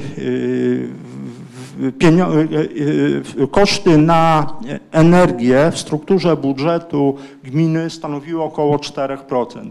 Gmina znajduje się na 2400 miejscu pod względem dochodów własnych. E, ta, taki ranking prowadzi Ministerstwo Finansów, dlatego że od tego miejsca, od wielkości tych dochodów zależy subwencja. Wymieniono e, system ogrzewania, zastanawiano się bardzo długo, co wybrać, bo oczywiście gazu sieciowego nie ma na pompy ciepła z blisko 4% y, udział kosztów na zakup energii w wydatkach budżetu gminy zmniejszył się o 2,5%. A więc takich przykładów jest sporo. Mogę podać jeszcze miasto Lubań w województwie zachodniopomorskim. 20% ciepła pochodzi z kotłowni opalanej słomą, czy, y, czy chociażby zielonki były papegierowskie osiedle. A tak na marginesie tutaj pan y, prezes wspominał o tym, że trzeba uważać na, na y, budowlę, małą architekturę drzewną, to w kombinacie przewodów, to jest powiat chrubieszowski, wtedy kiedy likwidowano e, PGR-y, to oczywiście zlikwidowano także e, kotłownie. Było duże osiedle mieszkaniowe, e, około 400 mieszkań i zafundowano każdemu mieszkańcowi taki własne, własne ogrzewanie. No i w ciągu jednego roku zniknęły wszystkie ławki, no wszystko, co tylko było drewniane, to, to zniknęło. No, takie jest życie. I ostatni przykład z kolejnego e, PGR-u, może nie PGR-u, tylko stacji hodowli roślin e, w Ulchówku, to akurat powiat tomaszowski, że Agencja Własności Rolnej Skarbu Państwa jeszcze wtedy e, no, okazała się tak brakuje mi, brakuje mi wspaniałomyślna, że zafundowano nową ciepłownię ogrzewaną olejem. Po dwóch latach wójt gminy e, prosi, żeby, żeby jakiś inny system zamontować, no oczywiście kotły na słomy. Ale co zrobić? Wojewódzki Fundusz Ochrony Środowiska chce gminę wspomóc, ale już, jeżeli jest ekologiczna Y, kotłownia opalona olejem, no to, to już nie może być na przykład na słomę. No to zwrócił się wójt, żeby przygotować y, taki dokument, że z uwagi na to, że słoma jest wypalana na słom, na polach, to żeby zbudować jakiś utylizator, prawda? I tym utylizatorem były trzy postawione kotły na słomę a tam w wyniku tej utylizacji słomy powstające ciepło trafiało do sieci. Także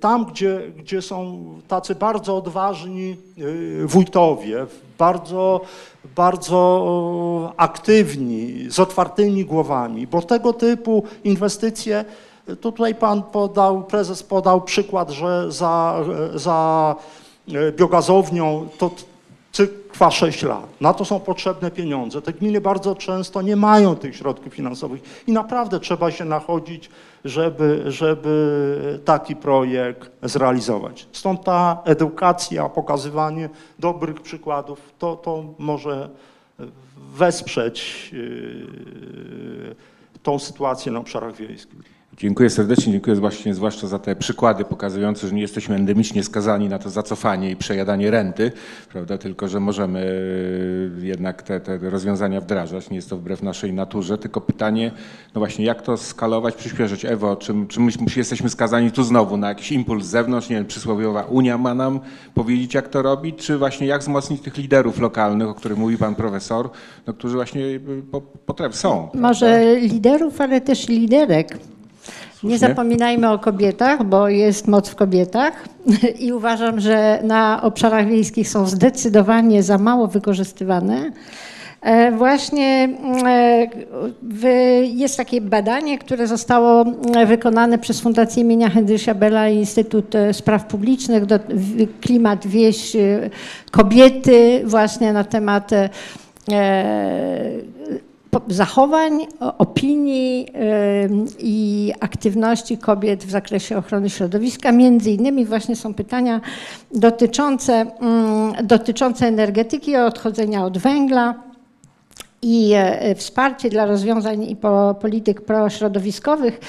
I okazuje się, że mm, e, kobiety są e, mm, skłonne e, popierać tego typu kierunki i również 30% ma same energie odnawialne u siebie w domu, ale oczywiście mm, na wsi, nie tylko u kobiet, ale są to powiązane bardzo mocno zachowania, działania i postawy powiązane z dochodami y, i powiązane z wykształceniem. I to są te dwa czynniki, znów wracamy do tej kwestii edukacji i wiedzy, zresztą to ciągle wychodzi, prawda, w badaniach Kantar to ciągle wychodzi, że od wiedzy i świadomości do zachowań, do działań i do motywacji, ale oczywiście te y, dochody też na to mocno wpływają. I na przykład wsparcie dla odchodzenia od węgla jest bardzo radykalnie powiązane z dochodami, prawda? Czyli im większe, im mniejsze dochody, tym mniejsze wsparcie dla odchodzenia od węgla. E, no bo wiadomo, to, to wszystko, o czym mówiliśmy, czyli dochodzimy do tego ważnego aspektu, o którym nie można zapomnieć. Musicie Państwo mieć w głowach e, żółte kamizelki we Francji, że mm, musimy pamiętać o e, ubóstwie energetycznym i u, osobach najbardziej wrażliwych. Akurat na wsi to często są kobiety, E, ponieważ mniej pracują, bardziej są uzależnione, jest dużo emerytek, kobiet, e, które, które mają duże domy, czyli z jednej strony mamy duże domy do ogrzania, a z drugiej strony niskie dochody. E, I, i te, te gospodarstwa muszą być wspierane, czyli ten program nastawiony na E, właśnie skalowanie, jeżeli chcemy skalować, musimy przede wszystkim myśleć o osobach najbardziej e, dotkniętych i robić programy wsparcia. E, korzystając z doświadczeń innych krajów, mm, jest znakomity program francuski agencji do, do spraw poprawy mieszkalnictwa ANAH, na którą idzie całość dochodów ZTS-u. Wszystko, 100%. Czyli Francuzi stawiają 100% na e, walkę z ubóstwem energetycznym i właśnie e, te masowe programy termomodernizacyjne, ale nie tylko. Te programy, dlaczego one są ciekawe? Bo to jest taki trójkąt, gmina, e, agencja, która finansuje i e, niezależny doradca. I ten niezależny doradca okazał się, oni już 10 lat robią te programy i je ciągle analizują i poprawiają. Okazuje się, że ta funkcja tego niezależnego doradcy jest kluczowa w tym, żeby ta cała operacja mogła się udać. Oprócz tego jest jeden numer telefonu na całą Francję, który jest wciąż wszędzie publikowany, który pozwala osobom, które mają e, problemy właśnie z jakością mieszkalnictwa, z niedoborem energii, z ubóstwem energetycznym, na który mogą zadzwonić i dostać, do nich zostanie przysłany ten doradca, który cały proces zaczyna. Czyli e, od początku do końca, od diagnozy budynku, E, od diagnozy tego, co trzeba zrobić, jakie w programy trzeba wejść, jak zdobyć dofinansowanie, aż do e, ściągnięcia wykonawców tego całego procesu, rozliczenia i całej dokumentacji. Jest jedna osoba od początku do końca, która towarzyszy temu procesowi. I e, to jest właśnie takie inspirujące, żeby, żeby wiedzieć, bo, bo te osoby, one jednocześnie nie tylko nie mają wiedzy o samej energetyce i tak dalej, jak, a, a nie o dotacjach możliwych. Po prostu tu jest bardzo duży zakres różnorodnej wiedzy y, i umiejętności, które trzeba mieć, które po prostu te osoby nie są w stanie y, zapewnić. Więc y, musimy myśleć o tym i to dobrze, żeby gminy, nawet nie korzystając z tego, no bo my na razie nie mamy możliwości wdrożyć y, państwowej agencji i programu na cały kraj, możemy tylko to pokazywać. Natomiast na poziomie samorządów możemy już o tym myśleć, jak y, to robić na poziomie właśnie gmin i mikroregionów, Y, jak to robić, żeby stworzyć funkcję osób doradczych lub organizacji pozarządowych, które, które by się tym zajęły, ale żeby właśnie stworzyć cały system wsparcia dla osób najbardziej potrzebujących, żeby ten proces mógł się poszerzyć. I druga kwestia to jest kwestia tych właśnie wspólnot i spółdzielni energetycznych, które też są, no cieszę się, bo właśnie przeczytałam z zadowoleniem, że 30 marca zostało opublikowane rozporządzenie ministra klimatu i środowiska w sprawie dokonywania rejestracji, bilansowania i udostępniania danych pomiarowych oraz rozliczeń spółdzielni energetycznych UPI.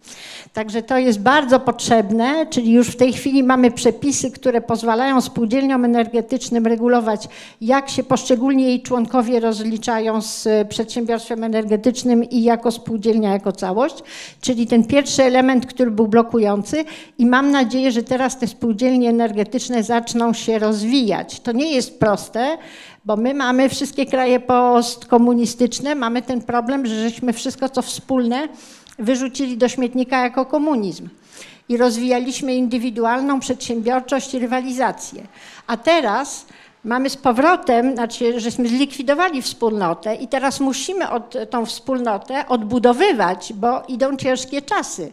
Na ciężkie czasy potrzebna jest współpraca i solidarność. I właśnie te spółdzielnie energetyczne mogą być fantastycznym narzędziem odbudowywania wspólnoty na obszarach wiejskich, czyli nie tylko tworzenia własnej energii, ale właśnie odbudowania wspólnoty i tworzenia tego, co wspólne razem. I tu rola kobiet może być bardzo istotna, bo one mają dużo umiejętności do tego, żeby właśnie tworzyć więzi. Dziękuję bardzo. To jest dobry moment, żeby poszerzyć dyskusję o Państwa. Także zapraszam. O, już jest pierwszy chętny. Bardzo proszę. Dziękuję bardzo. Wyrywam się do głosu, bo będę musiał za 15 minut wyjechać na kolejne spotkanie. Grzegorz Brodziak, firma Good Valley, praktyk, nie wiem czy jeden z niewielu albo jedyny dzisiaj na sali. Pozwólcie Państwo, że, że korzystając z prawa praktyka, odniosę się do kilku niezwykle ważnych kwestii, które Państwo poruszyliście i domknę pytaniem na koniec. Rewolucja czy, czy transformacja, czy, czy ewolucja, takie pytanie tutaj pada w debacie. Ja bym powiedział, że miejmy nadzieję na rewolucję, tylko pamiętajmy o specyfice sektora. Czy ta rewolucja pewnie potrwa 5 10 lat, jeżeli dobrze pójdzie, zamiast 20-30 ewolucyjnych zmian, bo o, takich, o takim tempie pewnie mówimy w tym, w tym sektorze. Nawiążę do, do tego, co my w praktyce zrobiliśmy. Od lat 90. funkcjonujemy jako przedsiębiorstwo rolno-spożywcze z całą produkcją od pola do stołu i energią odnawialną. I otóż tak, ta nasza ewolucja, bo to była ewolucja, zaczęła się od tego, że odeszliśmy od opalania węglem i miałem, w tych popegierowskich, bo w takich działamy gospodarstwach. Pierwsze 2-3 lata wycięcie kotłowni węglowo-miałowych, przejście na olej, gaz. Ale potem od roku 2005, kiedy zbudowaliśmy pierwszą w Polsce biogazownię rolniczą, przyszliśmy już na ogrzewanie ciepłem odpadowym z biogazu. I dzisiaj, jako dobry przykład, który pokazujemy wszystkim zainteresowanym, chyba kilka tysięcy osób przewinęło się w ciągu ostatnich 15 lat przez nasze biogazownie, Podajemy tak, 70% ciepła, które wykorzystujemy, pochodzi z naszych biogazowni. Gdzie niegdzie jeszcze musimy się zasilać ciepłem z oleju opałowego, gazu, słomy. 100% energii elektrycznej pokrywamy własną produkcją. Jeszcze jest nadwyżka 40%, która trafia do sieci. Zaopatrujemy w lokalnym układzie również jedną z wsi popigierowskich w gminie, gminie Polanów, gdzie ponad 100 mieszkań w ramach gazociągu, rurociągu z ciepłą wodą jest zasilanych tym ciepłem odnawialnym i, i, i można było zlikwidować też kotłownię miałowo-węglową, a ceny są atrakcyjne i przystępne. I tak dalej, i tak dalej. Teraz tak, ja z panem Grzegorzem Wiśniewskim miałem też przyjemność współpracować w tym okresie, kiedy była przygotowana strategia rozwoju biogazowni w Polsce w roku 2009. Moi koledzy specjaliści też w tym programie uczestniczyli. No i niestety doszło do załamania tego programu i, i mówiliśmy wtedy, że za dużo jest odnawialnych konferencji, a za mało odnawialnych źródeł energii. I teraz wracamy szybciutko, ale nie da się szybko moim zdaniem. Pan Grzegorz mówi 6 lat procedury uzyskiwania pozwolenia. Pozwólcie Państwo, że powiem, że przez 6 miesięcy pierwszą, drugą biogazownię przygotowywaliśmy. Da się? Dało się. Być może warto wrócić do tych ścieżek, być może warto odkręcić pewne, pewne zawikłania, które poczyniliśmy sobie sami w prawodawstwie legislacji. Korzystajmy też z doświadczeń i drzwi otwartych już za granicą. Mamy przykłady Szwecji, która zbiera świetne, świetnie odpady spożywcze z gospodarstw indywidualnych i do biogazowni one trafiają. Mamy przykłady Danii, gdzie rolnicy E, bo są za mali, żeby pojedynczo budować biogazownie, zbierają się w te właśnie spółdzielnie niechciane za bardzo naszej mentalności, ale potrafią zorganizować się wokół biogazowni e, i e, wspólnie te biogazownie prowadzą, dostarczają biomasę, od, od, odbierają nawóz organiczny. I ta biogazownia, zgodzę się w 100% z Państwem, jest świetnym uzupełnieniem takiego układu wyspy energetycznej, gdzie mam rzeczywiście fotowoltaikę i, i siłownie wiatrowe, a biogazownia potrafi uzupełnić w stabilny sposób 90 parę procent efektywności pracy rocznie ona potrafi uzyskać, sytuacje, w których tamte źródła nie działają. I teraz przechodząc powoli już do tego pytania, bo ono tak trochę zabrzmi, właśnie co możemy zrobić, żeby tę ścieżkę przyspieszyć i udrożnić? Bo mamy cztery, wydaje mi się, grupy barier, o których wspominaliśmy. Prawno-proceduralne, Koniecznie trzeba je tutaj uprościć, przyspieszyć i wiem, że zespoły działają w tej chwili e, w tym temacie em, i mam nadzieję, że wypracują świetne rozwiązania. Finansowe, o których wspomniał Pan Grzegorz, czyli olbrzymi capex, e, który jest nie do zrealizowania przez małe gospodarstwa, które u nas przeważają, ale przez większe przedsiębiorstwa. E, Technologiczne ciągle jeszcze, bo są, są wyzwania i e, społeczno-mentalnościowe. E, Bo rzeczywiście opór jest, spotykamy się z nim i trzeba pokazywać dobre przykłady, e, żeby go przełamać. I z takim pytaniem do Państwa również, co zrobić i czy to się dzieje i czy jest szansa, żeby to okienko w tej chwili uchylone otworzyło się szerzej, żebyśmy mogli przyspieszyć te zmiany. Dziękuję. Dziękuję bardzo. To pytanie zresztą i do panelistki, panelistów, i do reszty też z Państwa, bo domyślam się, że tu pomysły mogą być e, no, u, różnych e, polach ekspertyzy, więc, więc zachęcam. E, Ale być może ktoś z Państwa chciałby odpowiedzieć konkretnie teraz tutaj. Nie wiem, Ewo? Ja tylko chciałam powiedzieć, że e, spółdzielnie energetyczne, e, jeśli chodzi o to finansowanie, spółdzielnie energetyczne są finansowane zwykle przez członków tych spółdzielni. Największa spółdzielnia energetyczna w Europie Zachodniej ma 120 tysięcy członków, czyli to nie jest małe przedsiębiorstwo. A e, na przykład chorwacki, taki, żeby Państwu powiedzieć, jak to się, jak to się rozwija. E, Chorwackie doświadczenie, jedna szkoła zechciała wybudować elektrownię fotowoltaiczną na swoim dachu i zrobiła wśród mieszkańców taki właśnie crowdfunding, znaczy założyli spółdzielnie i ludzie e, wpłacali swoje udziały. No na pierwszą elektrownię zbierali trzy tygodnie, a na drugą elektrownię cztery sekundy. Taka, taka, była, taka była różnica. To znaczy ludzie się zorientowali, że to jest coś, co służy dobru ich dzieci, że to, co, co jest dla dobra wspólnego i co jest fajne i prawda, przynosi jednocześnie, produkują prąd, ich dzieci mają czyste powietrze, są niezależni, im spadły opłaty i wszyscy są zadowoleni. Więc ja dlatego mówię, że to mm, trzeba zacząć ten cały proces i będzie zmniejszy się problem finansowania, jeżeli ludzie będą mogli sami inwestować w spółdzielnie, z których mają dywidendy, a produkują energię dla, dla siebie samych. Dziękuję. Bardzo proszę Panie Profesorze.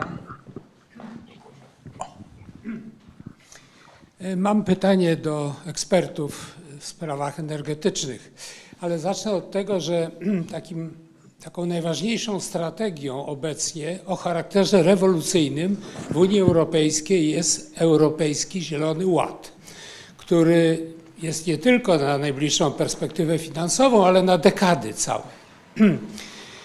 I czy zdaniem Państwa ta rewolucyjna strategia o bardzo dużym znaczeniu w wyniku tego, że mamy szaleństwo cenowe na rynku energii i w dodatku mamy utrudnienia do, w dostępie do energii z wielu przyczyn, e, czy nie zostanie ta koncepcja odłożona na później albo istotnie zmiękczona czy rozwodniona. E, Gdyby był profesor Buzek, to, to by być może on ma z pierwszego, że tak powiem, źródła tutaj informacje, ale myślę, że Państwo też macie pogląd na tę sprawę.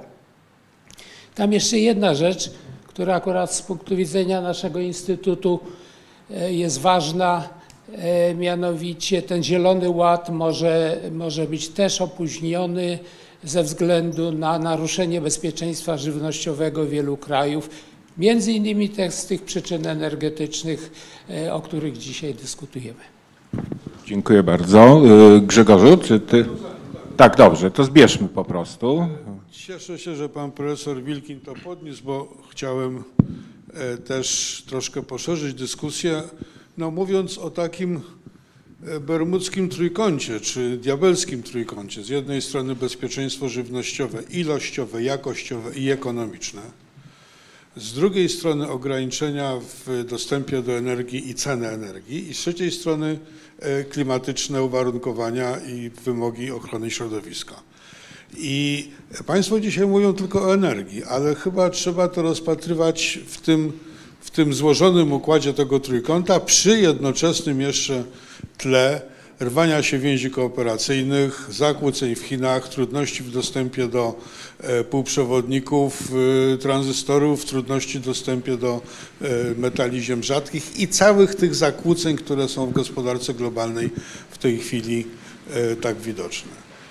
Od którego końca zacząć? Pan prezes powiedział, że można w jednym domkniętym układzie gospodarczym produkcja żywności, korzystanie z energii i jednocześnie e, no, świadczenie pewnych usług, można to w jakiś sposób pogodzić, można to w jakiś sposób połączyć. Czy tego typu doświadczenia mogą się upowszechniać? Czy one się upowszechniają w skali e, innych krajów? Czy my jesteśmy tak naprawdę zacofani, skazani na to, żeby być, jak to kiedyś Państwo nie pamiętają, ale ja jeszcze pamiętam, taki był e, Hamilton, e, Jan Zbigniew Swojewski powiedział, Polska hipisem narodów. Czy my ciągle nie jesteśmy hipisem narodów? Dziękuję. Dziękuję. Pytań nie było wiele, ale są bardzo złożone, więc może zacznijmy odpowiadać. E, mamy dwa.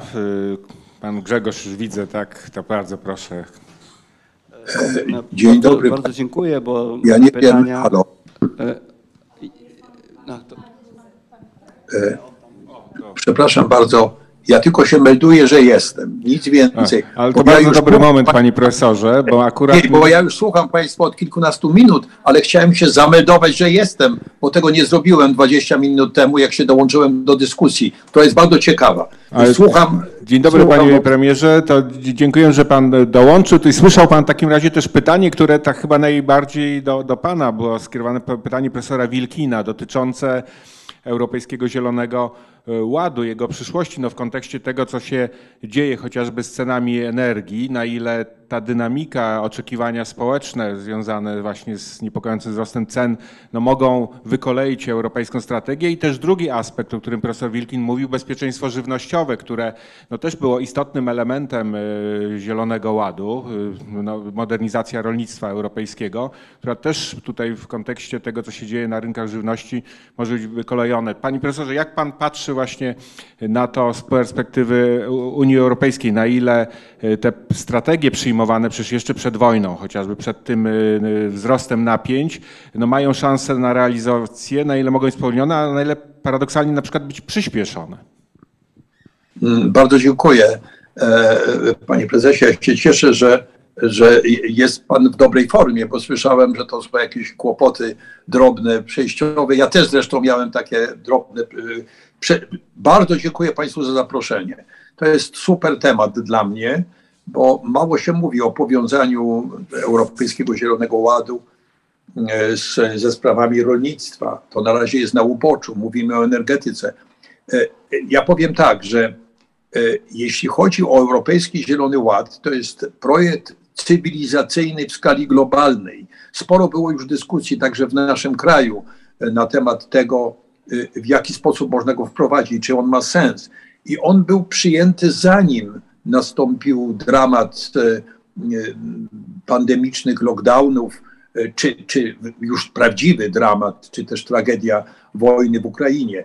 Więc to jest, to jest temat, który od trzech lat jest głównym tematem Unii Europejskiej i to jest ewidentnie projekt cywilizacyjny, dlatego że on od początku, tak jak był tworzony, e, wymagał naruszenia właściwie wszystkich e, sposobów działania, jeśli chodzi o naszą globalną czy europejską cywilizację.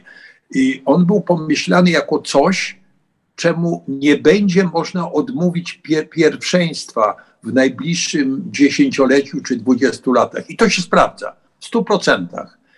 Bo jeśli mówimy o sprawach neutralności klimatycznej, to to jest e, tylko jeden drobny szczegół. Przecież chodzi o gospodarkę w obiegu zamkniętym, o dekarbonizację, elektromobilność, alternatywne paliwa, bioróżnorodność. Chodzi o e, również tworzenia takich podstaw biologicznych na naszej planecie, żebyśmy może jako gatunek ludzki mogli to po prostu przetrwać. Bo dzisiaj, jeśli widzimy narastające susze w innych miejscach, e, tropikalne deszcze, ulewy, podnoszenie poziomu oceanów, zmarzlina wiecznej Syberii, która może odsłonić ogromne pokłady metanu, czyli gazu ziemnego, który jest 16 razy bardziej groźnym gazem cieplarnianym z dwutlenek węgla. Jeśli to sobie wszystko wyobrazimy, to rzeczywiście stoimy przed dramatycznymi wyzwaniami. To, co się stało w czasie pandemii, pokazało, że Unia Europejska nie rezygnuje z żadnego punktu Zielonego Ładu.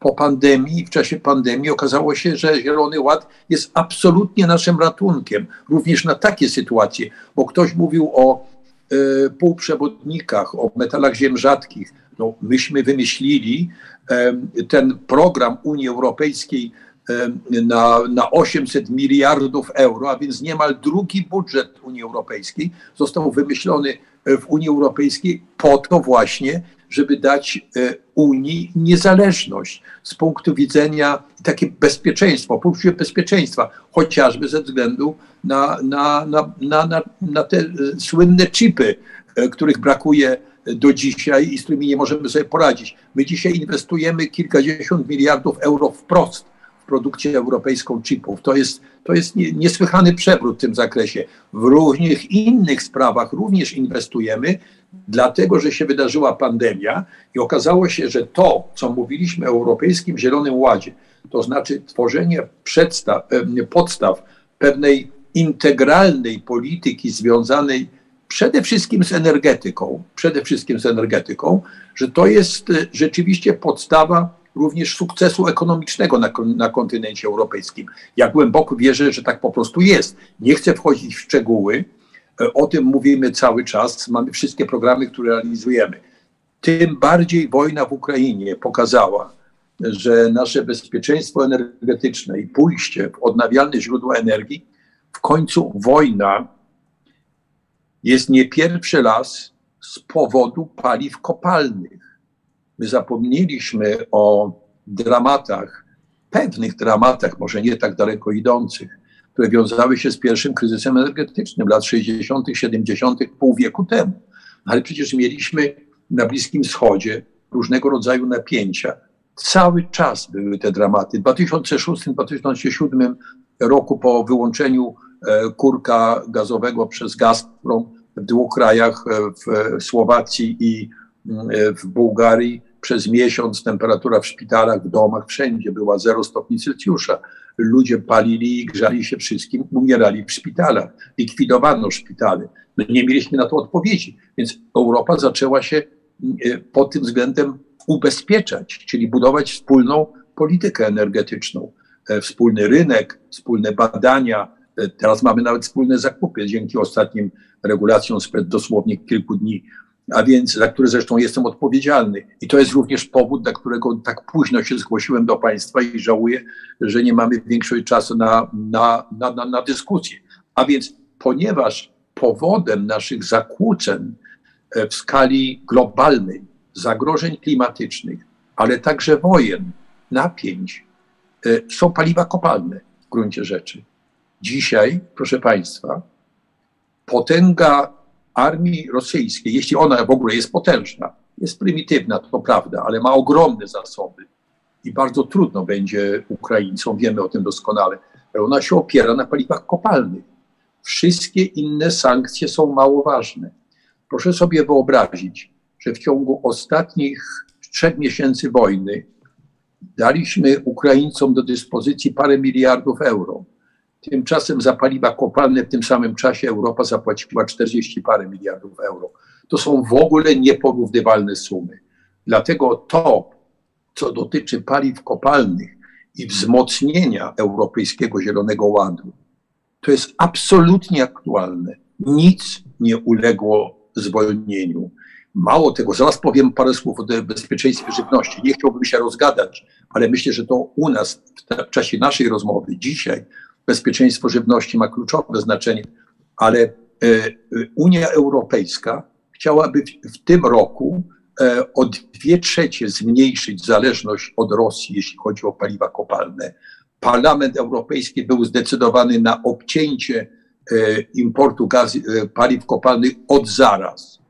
Pewnie z punktu widzenia niektórych krajów członkowskich, takich na przykład jak Austria, Niemcy, Czechy, E, czy Słowacja, nie było to łatwe. Łatwiej było ze strony polskiej zrobić to na pewno. A więc e, mamy tu pewne wyzwania, które są konieczne w realizacji i chcemy je przyspieszyć.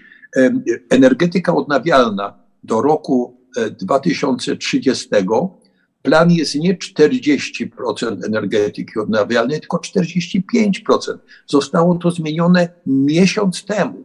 Jeśli ktoś pyta o to, czy będzie złagodzony Europejski Zielony Ład, będzie zmodyfikowany tu i ówdzie, ale raczej będą zaostrzone jego kryteria, bo to jest szansa dla Europy, nie tylko dla świata ze względu na klimat, bo o tym pamiętamy, że to było u podstaw Zielonego Ładu, ale również ze względu na nasze bezpieczeństwo, niezależność, tworzenie miejsc pracy, mm, możliwość no, e, takiej integracji europejskiej wokół, wokół wspólnego, wielkiego, cywilizacyjnego programu i mało tego, ciągnięcia świata w ten program. Myśmy mieli takie szczęście jako Europa 250 czy 300 lat temu, jak wymyśliliśmy węgiel, maszynę parową, potem prąd elektryczny, to wszystko stało się na naszym kontynencie w gruncie rzeczy.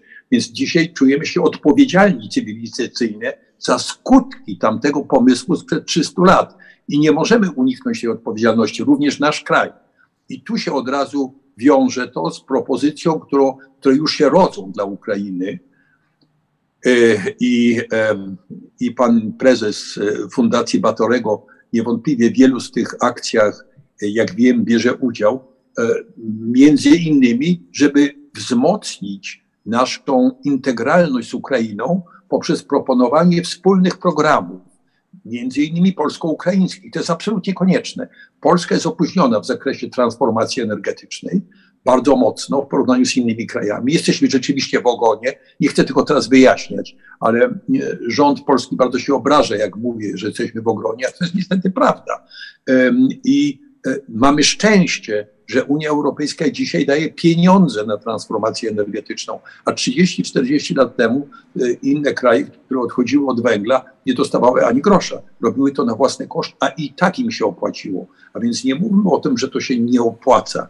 To jest konieczne z każdego punktu widzenia. Kończy nam się węgiel. Nie chcę wchodzić w te szczegóły. To jest absolutnie konieczne. Mieszkam na Śląsku i wiem, że kopanie węgla, zwłaszcza takiego węgla, który się przydaje do ogrzewania mieszkań nawet i energetycznie w elektrowniach, jest coraz trudniejsze i coraz bardziej ryzykowne. Wszystkie śląskie e, kopalnie, proszę Państwa, są de facto zametanizowane i być może za 3-4 lata w ogóle skończymy w dużym stopniu z przemysłem węglowym, bo metan, który się wydziela z naszych kopalń i jest trudny do opanowania, jest największym zagrożeniem klimatycznym, znacznie większym niż dwutlenek węgla. To tylko tak na, na marginesie. A więc mamy wiele powodów, żeby my w Polsce uwierzyć w to, że razem z Ukrainą jesteśmy w stanie wiele zrobić, po wojnie oczywiście, która by oby się skończyła jak najszybciej. A teraz jeszcze, żeby się nie rozgadywać, bo jest tyle do powiedzenia i tak mnie zainteresowała również dyskusja, którą słyszałem, to ta ostatnia część Państwa. Powiem jeszcze tylko o sprawach rolnictwa. A więc tu jest tak, pewne kolekty są prawdopodobnie konieczne i nikt ich e, nie, nie unika tego rodzaju e, korekt. Ale proszę pamiętać, że bezpieczeństwo żywnościowe będzie zależało od bezpieczeństwa e, energetycznego. Nie jesteśmy w stanie uzyskać bezpieczeństwa żywnościowego bez de facto bezpieczeństwa e, energetycznego. E, rolnictwo ma tu bardzo wiele do zrobienia. E, my wiemy o prosumentach, słyszeliśmy o tym. Nie było zbyt szczęśliwe ta propozycja sprzed trzech lat, jeśli chodzi o fotowoltaikę na, na, na każdym domu. Ona była szczególnie korzystna dla tych, którzy inwestowali, ale była za korzystna. Ja teraz mówię w obronie zmian, które wprowadzono ostatnio, bo ona była, ta propozycja była bez jakichkolwiek prób włączenia pomp ciepła, magazynowania energii, a przecież fotowoltaika pracuje w lecie. W lecie, jak tej energii na ogół potrzeba jak najmniej, chyba że mamy klimatyzację rozbuchaną, ale fotowoltaika nie działa w nocy, wieczorem, jak trzeba palić światło, e, w zimie jest słabiutka, jak trzeba grzać domy. To był, to był błąd, powiedzmy sobie szczerze. Ja 6-7 lat temu rozpocząłem w Grodnie na Wyspie Wolin rozmowy o, o energetyce prosumenckiej i wskazywałem ministrom obecnego rządu, tylko wcześniejsze, pan Tchórzewski, no, pan minister rolnictwa był jeden, drugi, trzeci obecny. Mówiłem, nie popełnijcie błędów, które popełnili Niemcy, Brytyjczycy. Po prostu wprowadzili e, fotowoltaikę, znaczy prosumencką energetykę w sposób, w sposób nieostrożny. I to zagroziło spółkom energetycznym, które też są ważne i muszą być e, pod naszą jakąś opieką. E, przeciążenie sieci wskutek tego, że wprowadzono takie, a nie inne rozwiązania, jest ogromne dzisiaj i wielkie zagrożenia, więc wprowadzono nowe regulacje. One nie są mile widziane. To pod, podważa zaufanie obywateli do propozycji rządowych, skoro po dwóch czy trzech latach obowiązywania pewnego systemu kompletnie ten system zmieniamy. I to, jak widać, na niekorzyść klientów. Ale był tak wielki błąd w poprzednim systemie, że nie można było tego nie zrobić. Ja niejako usprawiedliwiam tu działania rządu, co mi się ostatnio bardzo rzadko zdarza, więc proszę, żebyście Państwo docenili ten, ten mój wielki gest. E, proszę Państwa, więc to, to jest sprawa prosumentów, ale jest, jest jedna rzecz, którą w ogóle Polska leży w jednej sprawie. Niemcy mają 9 tysięcy biogazowni. My mamy, nie wiem, 148. No to po prostu, a mamy większe możliwości, jeśli chodzi o biogaz, niż mają Niemcy. My niemal połowę e, gazu, metanu, który dzisiaj używamy, metan, czyli gaz ziemny, no tam 20 miliardów rocznie, to my 8-10 miliardów E, metrów sześciennych biometanu, po, połowę tego, co sprowadzamy dzisiaj. Przez rurociąg jamalski, własne wydobycie, teraz będziemy z Norwegii sprowadzać, możemy produkować własnego biogazu. Ten biogaz działa w gruncie rzeczy na zasadzie energetyki odnawialnej. To jest ważne, bo przerabia się odpady, które pochodzą z roślin, które po przerobieniu na metan spalimy, zużyjemy, powstanie dwutlenek węgla, ale ten dwutlenek węgla będzie pochłaniany przez nowe rośliny, które będą rosły i karmiły nasze bydło, czy w jakikolwiek inny sposób nas samych, jeśli jesteśmy wegetarianami. A więc, a więc jest to gospodarka w obiegu zamkniętym, CO2 w obiegu zamkniętym, jak najbardziej. Biogazownie są w pełni popierane przez Unię Europejską. W ramach tego nowego programu, który został zgłoszony tydzień temu, ja o tym wszystkim muszę Państwu powiedzieć w paru minutach i przepraszam za skróty. W ramach tego programu y, to jest um, Repower EU, tak się on nazywa, czyli to wzmocnienie. To jest ten najnowszy program w odpowiedzi również na, na wojnę, na agresję Rosji. Więc y, to jest program, który między innymi mówi o biogazowniach, o wielkich możliwościach rozwoju, dofinansowaniu tego kierunku działania. Y, w ramach tego programu Nowe Pokolenie Unii Europejskiej, czyli czyli tego dodatkowego budżetu unijnego, bo to de facto jest na trzy lata tyle samo pieniędzy będzie, e, co z normalnego budżetu Unii Europejskiej. A więc w ramach tego także biogazownie mogą być dofinansowane. Ja nie chcę mówić o wielu rzeczach, bo e, my w sumie jesteśmy w stanie na wsi wyprodukować co najmniej połowę tych zapotrzebowań energetycznych, które, które ma Polska. De facto E, to, co będzie produkowane przy, przy pomocy biometanu, jeśli to wejdziemy, jeśli będziemy mieli rzeczywiście wykorzystanie całego naszego potencjału. To są bardzo opłacalne rzeczy dla rolników, którzy dają tylko produkt wyjściowy, czyli odpady. E, to są poprodukcyjne w ramach e, hodowli bydła, czy odpady roślinne oraz miejsce na biogazownię. Tylko tyle daje rolnik. Jeszcze mu się płaci co tydzień jakieś pieniądze. Taki jest bilans. E, produkujemy, e, produkujemy metan i uzyskujemy, co bardzo ważne, uzyskujemy bardzo dobry nawóz. A więc dla rolników to jest niezwykła korzyść, bo rolnicy mówią, nie będę oddawał mojego obornika, bo to najlepszy na, e, nawóz. Jeśli odda obornik do biogazowni, to otrzyma bardzo dobry nawóz. Ocenia się, ale to Państwo jesteście specjalistami bardziej niż ja, że to jest nawóz lepszy niż samobornik. A więc e, jest po prostu czystszy, jest, jest po prostu lepszy.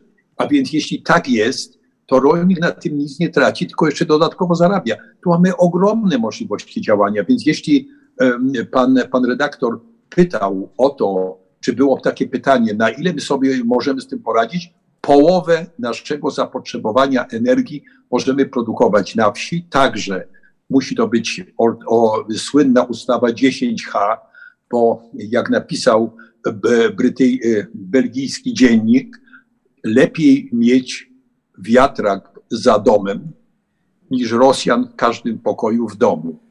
I to jest bardzo ważna uwaga. Między innymi dlatego ustawa 10H jest po prostu skrańcowo szkodliwą ustawą w warunkach polskich.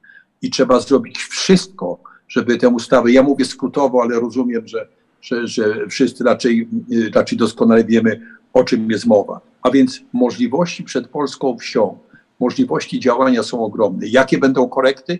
Oczywiście możemy powiedzieć, że rolnictwo ekologiczne tam miało być 25%. Jeśli to ograniczy produkcję, bo my myślimy w Europie głównie o produkcji dla Afryki. Proszę pamiętać, Europie nie grozi głód. E, tak się przynajmniej wydaje. Nawet bez Ukrainy i bez Rosji Europie de facto nie grozi głód, ale grozi trzeciemu światowi. My się czujemy odpowiedzialni jako Europejczycy za to, żeby produkować dodatkową żywność. Więc gdyby się okazało, że to ograniczy produkcję żywności, te nasze plany związane na przykład z bioróżnorodnością czy e, rolnictwem ekologicznym, to być może je ograniczymy. Tak jak w niektórych przypadkach możemy pozostać dłużej przy węglu po to, żeby prosto z węgla po trzech czy po czterech latach przejść do energetyki odnawialnej bez tego przejścia przez gaz ziemny. Dlaczego? Bo gaz ziemny sprowadzamy e, w tej chwili z Rosji i chcemy go absolutnie ograniczyć. A więc są e, możliwe pewne korekty. Ja nie chcę się rozwodzić nad tym, mimo że tu są ciekawe szczegóły tych korekt, jeśli chodzi o rolnictwo, ale takie korekty są możliwe. Natomiast sam Europejski Zielony Ład raczej ulega wzmocnieniu niż osłabieniu niemal w każdym punkcie. I to jest naprawdę sensowne, da się to wytłumaczyć. I wszystkie opowiadania, ja słyszę wysokich urzędników w naszym kraju, którzy mówią o wycofaniu się, o zmianie reguł, o, o zaprzestaniu szkodliwej działalności. To jest takie trochę mówienie bez pojęcia, po to, żeby się przypodobać paru ludziom, którzy nie bardzo wiedzą o co chodzi. Ja wiem, że rolnicy mają problem z ogrzewaniem, z węglem, Trzeba odpowiedzieć na te problemy. Trzeba w sposób odpowiedzialny likwidować te, także te zalążki ubóstwa energetycznego. I między innymi polityka powinna iść w tym kierunku, a nie wycofywania z czegoś, co jest po prostu skarbem dla Polski. Bo my to tak czy owak musimy zrobić, dlatego że naprawdę węgiel nam się skończył. To już nie, że się kończy, za wyjątkiem Bogdanki. To można by dużo mówić. Bogdanka będzie sobie działać i to jest rzeczywiście zagłębie które dzisiaj ma ogromne szanse nadal dobrze, żeby miało, ale pozostały węgiel, y, ten brunatny w, w, w Turowie y, czy w Bełchatowie, no to niestety będą tak wielkie koszty emisji CO2 i słusznie, że będą, bo to jest jednak wielkie zagrożenie dla środowiska, takie elektrownie. Ja nie chciałbym ich zamykać w ciągu roku czy dwóch, oby, oby przetrwały jeszcze z 10 lat, bo tyle nam są potrzebne szybko nie skończymy z energetyką węglową, ale wycofywanie się z tego, co zaczęliśmy robić, jest po prostu ze szkodą dla polskiej racji stanu. Dlatego musimy popierać i powinniśmy popierać w sposób rozsądny wszystko to, co jest zapisane w Europejskim Zielonym Ładzie, także w zakresie rolnictwa z korektami, o których wspomniałem. Przepraszam bardzo e, pana redaktora, że może mówiłem za długo, ale bardzo mi trudno się ograniczać tym e, temacie. Bardzo dziękujemy w dobrym momencie i bardzo istotne uzupełnienie naszej dyskusji. Jedno jeszcze jednak pytanie, bo mówi Pan tutaj z przekonaniem, że na poziomie europejskim Europejski Zielony Ład nie będzie, znaczy może być modyfikowany, ale sama strategia się nie zmieni, nawet będzie intensyfikowana. Czy nie obawia się Pan, na przykład w takim kraju jak Polska, oporu społecznego związanego z tempem zmiany, chociażby wynikającym z tego, że właśnie mamy zapóźnioną e, modernizację systemu energetycznego, w związku z czym olbrzymi ślad węglowy, który już od przyszłego roku będziemy musieli raportować. Polskie przedsiębiorstwa, które będą funkcjonowały na rynku, będą musiały informować o swoim śladzie węglowym. Wiemy, że już wiele inwestycji do Polski nie trafia, dlatego że nie ma e, zielonej energii, która mogłaby je obsłużyć. Czy nie obawia się Pan po prostu utraty konkurencyjności polskiej gospodarki, co się przełoży na, e, no właśnie, na nastroje społeczne, które zamiast wspierać tę nieuchronną zmianę, o której Pan mówi, no będą jednak e, jej no, się przeciwstawiać. Tak jest. Obawiam się i to jest 100% reakcji, Panie Prezesie. To jest realna groźba. Tą realną groźbę mamy i czujemy przede wszystkim w naszym kraju Także w innych krajach są, są tutaj trudne momenty. No, dosłownie godzinę temu podejmowaliśmy decyzję w Parlamencie Europejskim, co zrobić, jeśli chodzi o, o system handlu emisjami, bo wiadomo, że te przemysły, które są wysokoemisyjne, ale nie tylko produkcja stali, która jest coraz droższa, bo przecież tam jest ogromna emisja CO2 przy produkcji stali, ale również produkcja nawozów sztucznych. Dlatego te nawozy sztuczne są drogie. Po pierwsze, drogi metan, czyli gaz ziemny, a po drugie są wielkie opłaty za emisję. Jest produkcja cementu, jest szkło, to jest wiele przemysł chemiczny cały. Właśnie o tym mówiliśmy, że musimy utrzymać tutaj na przykład wolne, e, e, wolne, wolna część emisji w systemie handlu emisjami, żeby pozostał wolny. Mamy duże trudności. Ja reprezentuję Europejską Partię Ludową, gdzie chcemy za wszelką cenę utrzymać te darmowe emisje. Dla polskiego przemysłu e, związanego z produkcją stali, nawozów sztucznych, to jest kluczowa sprawa. I pan redaktor ma absolutnie rację. Grozi nam wielu takich e, przemysłach i kierunkach działań bezrobocie, a niczego nam bardziej niepotrzebne dzisiaj jak społecznej akceptacji. To jest społeczna akceptacja zarówno co do, co do tego, co robimy w ramach Europejskiego Zielonego Ładu, jak i akceptacja dla naszych wspólnych wysiłków na rzecz ratowania Ukrainy. Obydwie rzeczy wymagają długofalowego działania i wsparcie dla Ukrainy i realizacja Europejskiego Zielonego Ładu. Dlatego taka konferencja, jak Państwo dzisiaj prowadzicie, jest absolutnie kluczowa, żeby to również w tym trafić do środowiska wiejskiego i pokazać, jakie tu są możliwości działania i ratowania się, również ratowania się e, przed zakupem węgla. No dzisiaj węgiel w okolicach, no bo tam sprawdzałem, Bydgoszczy, Inowrocławia jest po 3000 za tonę, za tonę. Ekogroszek, no nie wyobraźcie sobie Państwo, 3000, 3,5 tysiąca, trzy razy więcej niż jeszcze rok czy dwa lata temu. To są nieprawdopodobne ceny. I pan redaktor ma 100% racji. Jeśli my nad tym nie zapanujemy, jeśli nie wytłumaczymy, jakie, jakie są zagrożenia, jeśli nie będziemy ze stałymi, w stałym kontakcie z wyborcami, z ludźmi, którzy będą o tym decydować w przyszłości, no to co sobie nie poradzimy. I to jest być może największy problem, który mamy i dobrze, że to pytanie padło i skierowaliśmy naszą uwagę w tym kierunku. Dlatego jest ważne, żeby pokazywać na przykład na polskiej wsi, jakie są możliwości działania w ramach tej wielkiej transformacji, jak wiele wieś ma do zrobienia. Od dawna wieś to nie jest tylko produkcja rolna, to jest wiele innych zawodów, wiele innych, to jest to, to nasze rozproszenie w terenie, które nam pomaga bardzo także w polityce miejskiej. Bardzo pomaga to, że mamy zaplecze e, w postaci e, rozproszonych działań na polskiej wsi, więc e, to jest absolutnie kluczowa rzecz i absolutnie się obawiam, że możemy stracić poparcie i trzeba robić wszystko, żeby to poparcie uzyskać i pokazać, że utrzymanie starego porządku rzeczy będzie nas tylko drożej kosztowało, że mamy jakby tak, mamy dwie drogi, z których każda jest droga finansowo i każda niesie zagrożenia. Przy czym droga nie robić nic i pozostać przy starym jest drogą donikąd, bo my nie mamy węgla. To jest pierwsza sprawa. Po prostu nie mamy węgla, bo się skończył. I to trzeba jasno powiedzieć. I potem jest wielkie zagrożenie wydobywaniu węgla. Więc musimy coś zrobić, a chcą nam płacić. Jeszcze jest taki Europejski Fundusz Socjalny związany z transformacją. Polska jest największym beneficjentem tego. E, jest oczywiście ten, ten fundusz, który służy takim regionom jak Bełchatów, Śląsk e, czy, czy, czy Turoszów. To, to są wszystko pieniądze, które idą do Polski. My musimy uparcie i spokojnie tłumaczyć naszym obywatelom, że to jest dla Polski wielka szansa. Oczywiście dramatycznie szkodliwe, dramatycznie. Panie redaktorze, są takie kampanie jak kampania żarówkowa. Już nie chcę do tego wracać. To do tego stopnia wywraca myślenie opinii publicznej o tym, co się dzieje w Unii, że naprawdę trudno nam się po takiej kampanii pozbierać. Bo, bo jak to tłumaczyć? To jest, to jest fatalna y, y, y, kampania, oparta na po prostu prostych przekłamaniach, dramatycznych, które zagrażają naszej społeczności, e, naszej, naszej przyszłości. naszemu sukcesowi jako Polski przyszłości, bo, bo od, odradzają ludziom coś, co jest absolutnie w warunkach polskich konieczne. Absolutnie konieczne.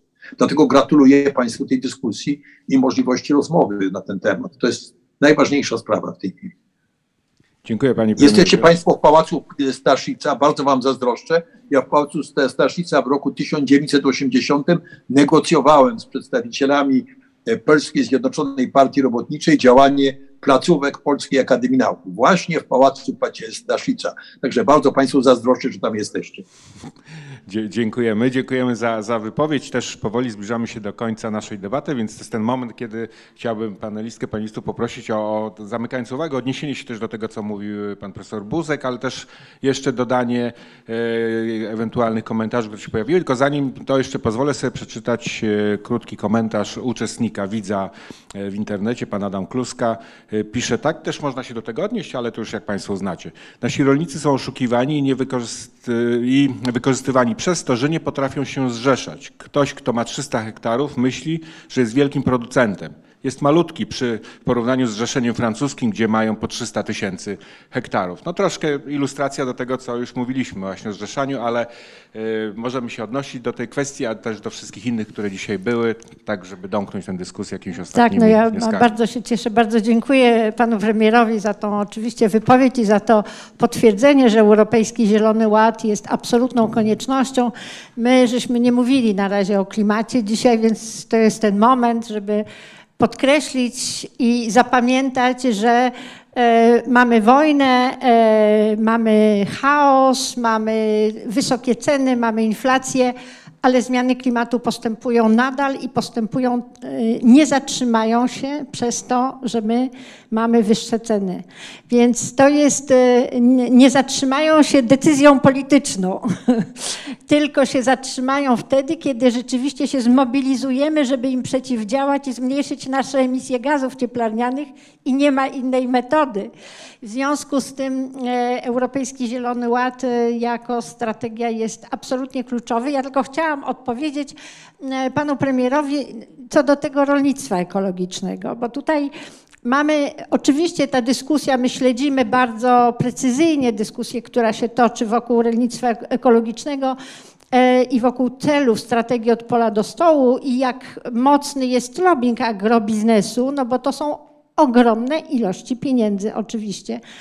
I e, to są dwa, dwie różne, to jest trochę tak jak z tymi e, energiami odnawialnymi termomodernizacją i węglem. To jest dokładnie to samo. Albo pójdziemy do przodu i będziemy dbać o gleby, będziemy opierać się na naturze, będziemy uczyć się biokontroli i będziemy uczyć się e, e, wykorzystywać siły i moce natury, albo będziemy kontynuować e, technologicznie poprzez chemię e, walczyć z naturą i wyciskać z gleby co się da, wyjaławiając ją coraz bardziej, bo to na tym polega.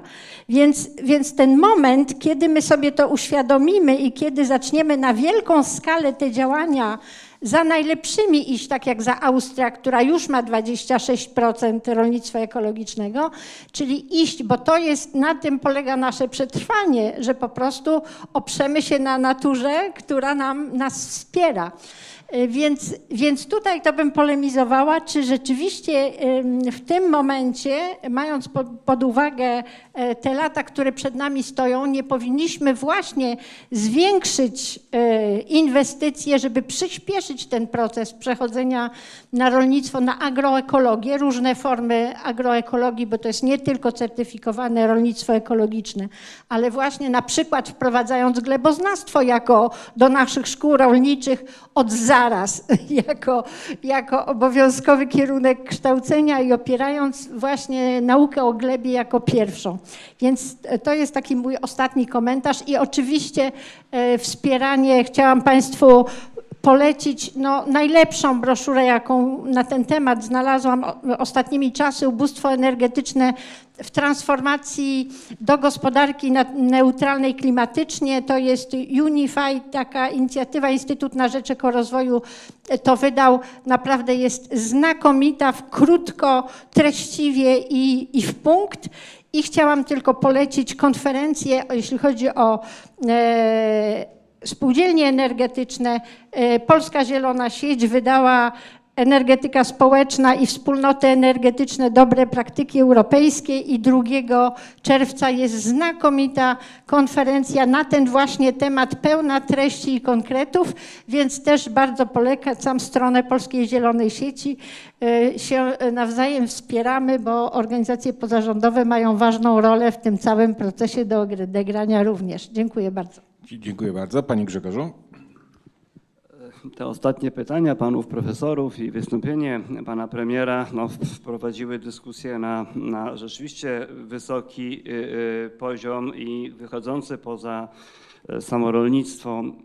Ja po tej dyskusji jestem przekonany, że mm, czas pokazał, że straciliśmy dużo czasu. E, I e, w tej chwili no, możemy e, spróbować wejść na, na właściwą ścieżkę rozwoju. Ja korzystając z obecności pana premiera, wrócę do, do, nie do 1980 roku, ale do 2000 roku, kiedy rząd pana premiera przygotował dwa wspaniałe dokumenty.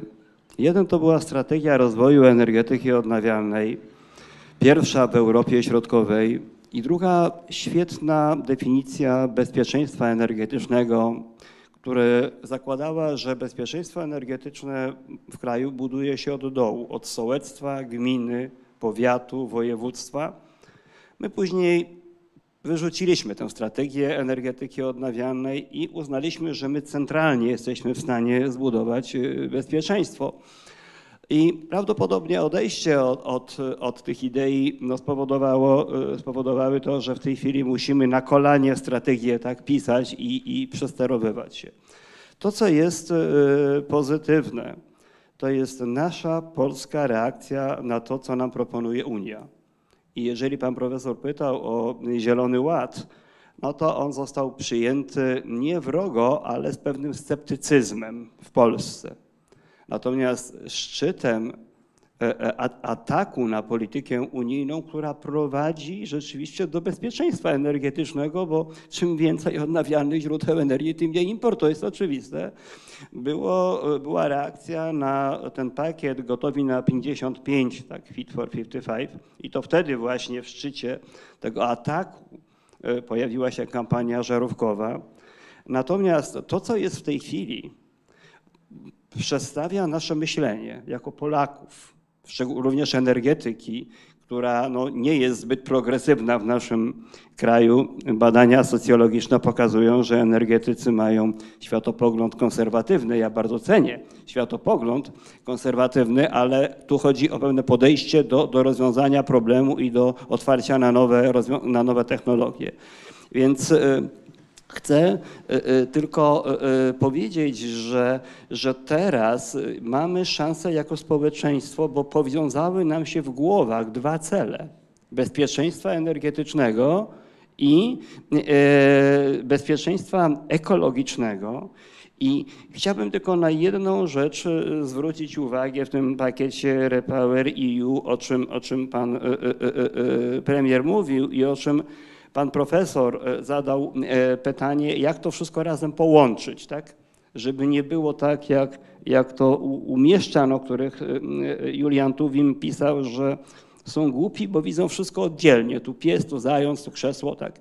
A tu, tu trzeba myśleć szeroko. Otóż w tym pakiecie jest po raz pierwszy unijna strategia energetyki słonecznej.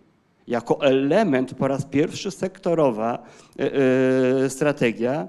I o czym ona mówi? W tej chwili Unia ma 150 gigawatów fotowoltaiki. Polska jest drugim krajem pod względem szybkości tempa inwestycji, ale za 2030 ma być 600 gigawatów, czyli 4 razy więcej.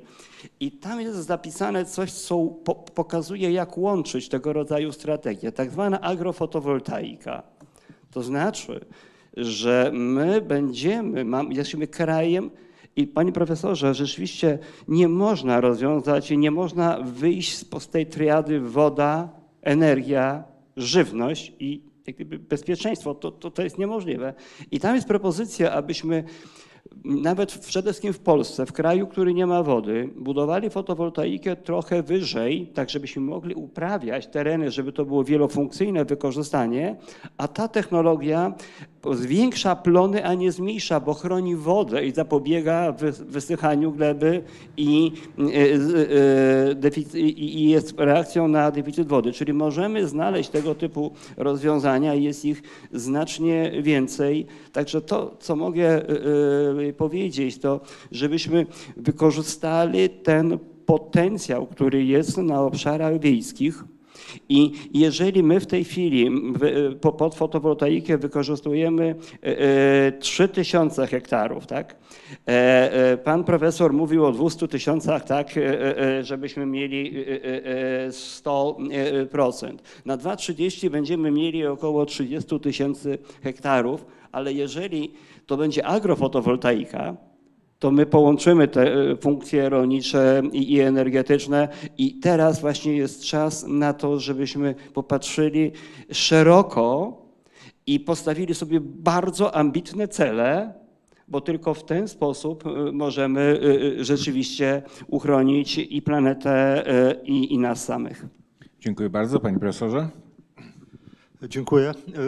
Ja tylko chciałbym jedną rzecz sprostować. Ja powiedziałem, że 200 tysięcy hektarów fotowoltaiki dałoby taką ilość energii elektrycznej, która została zaplanowana na 2030 rok y, w w PEP-ie 2040. Mówię, że tyle będzie.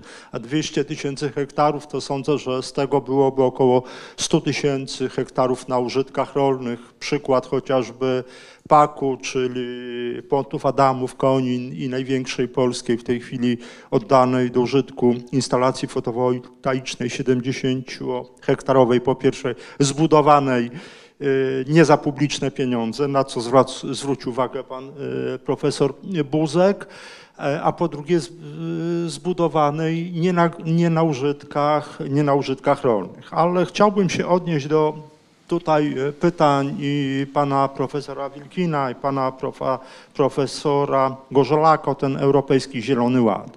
Ja sądzę, że są w Polsce pewne E, grupy, które starają się wykorzystać ten e, konflikt, który wybuchł, e, wojnę na, w Ukrainie, do tego, aby poszukiwać argumentów, czy jako wyszukać, jako wykorzystać jako argument za odłożeniem jego realizacji. Natomiast no, nie dyskutowaliśmy o tym, może nie dyskutowaliśmy, ale tydzień temu była E, była tutaj u nas e, debata dotycząca wspólnej polityki rolnej, między innymi, między innymi e, dokumentów krajowej, Krajowego Planu Strategicznego, jak te środki WPR-u wykorzystać w naszym kraju. W związku z tym, że tutaj uczestniczyłem w takim projekcie na temat europejskiego, czy wpływu europejskiego e, Zielonego Ładu na polskie rolnictwo. Tam zajmowaliśmy się, czy zespół zajmował się głównie e, wpływem na e, produkcję roślinną to chcę powiedzieć, że ten krajowy plan strategiczny to zupełnie inny kierunek. To jest utrzymanie rozdrobnionego polskiego rolnictwa, a tylko duże gospodarstwa rolne. Zresztą przykład pojawił się w tym pytaniu, mówiąc, y, wskazującym, że nawet 300 hektarów to jest nic, ale tylko duże gospodarstwa rolne są, są w stanie stosować nowoczesne, precyzyjne technologie produkcji, dzięki którym można o więcej niż tylko o połowę zmniejszyć stosowanie czy to nawozów mineralnych, czy środków, y, środków ochrony roślin. Tylko duże gospodarstwa można kontrolować pod względem, e, pod względem stosowanych technologii. Też odniosę się tutaj do e, pani y, tutaj i tego stanowiska odnośnie gospodarstw ekologicznych. Dlaczego w Austrii jest tak dużo? No tam są alpejskie hale, prawda, gdzie prowadzona jest y, y, produkcja i ona może być w pełni ekologiczna. W Polsce również tydzień temu na naszej debacie uczestniczył rolnik ekologiczny.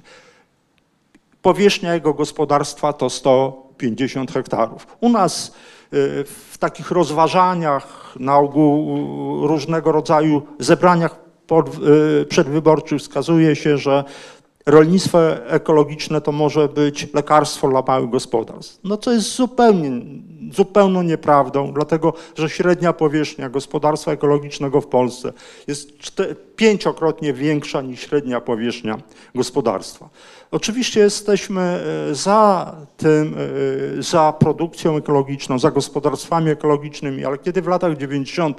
byłem na stypendium e, w Szkocji i tam mój opiekun naukowy zabrał mnie, e, no po- powiedziałem, że chcę się przyjrzeć, jak funkcjonuje rolnictwo ekologiczne w Szkocji. Zabrał mnie do marketu i pokazał mi, e, pokazał mi stoisko z produktami ekologicznymi. Doskonale wiedział, jakie są ceny w Polsce.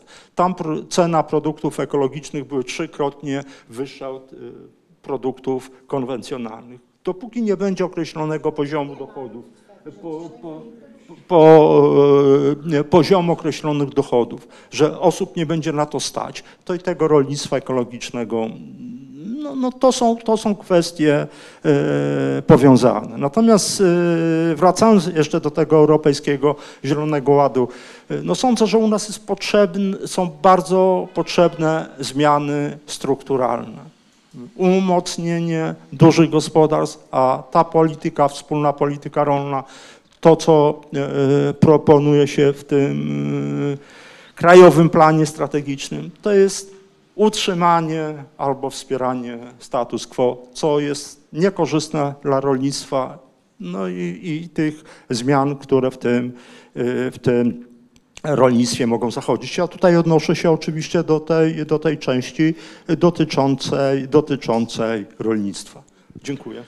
Dziękuję bardzo i tym samym dotarliśmy do końca naszej debaty, y, bardzo wielowątkowej, gęstej, wiele informacji usłyszeliśmy. Dla mnie była wielka przy- przyjemność y, nie, nie tylko poprowadzić, ale też mnóstwo rzeczy się dowiedzieć przy, przy, przy okazji tej, tej, tej rozmowy. Mam nadzieję, że Państwo macie podobne wrażenia. Nie będę tutaj po- podsumowywał, czy próbował podsumować te, te, tak właśnie wi- wi- wielu, wielu zagadnień. Też na wiele nie, nie odpowiedzieliśmy. Y, Natomiast y, myślę, że je- jedna, jeden taki wniosek, który z, z całej tej dyskusji płynie, to, to czy, wiele, ale z takich podstawowych, no to po pierwsze, że od odwrotu, to co premier y, Buzek mówił, znaczy odwrotu od, od Europejskiego Zielonego Ładu nie ma i żaden argument nie może być używany przeciwko niemu, bo nie rozwiązuje naszych problemów, to znaczy tak czy inaczej jedyną szansą jest transformacja, ponieważ y, dotychczasowy model energetyki jest nie do utrzymania i zresztą to było wiadomo już w latach 70.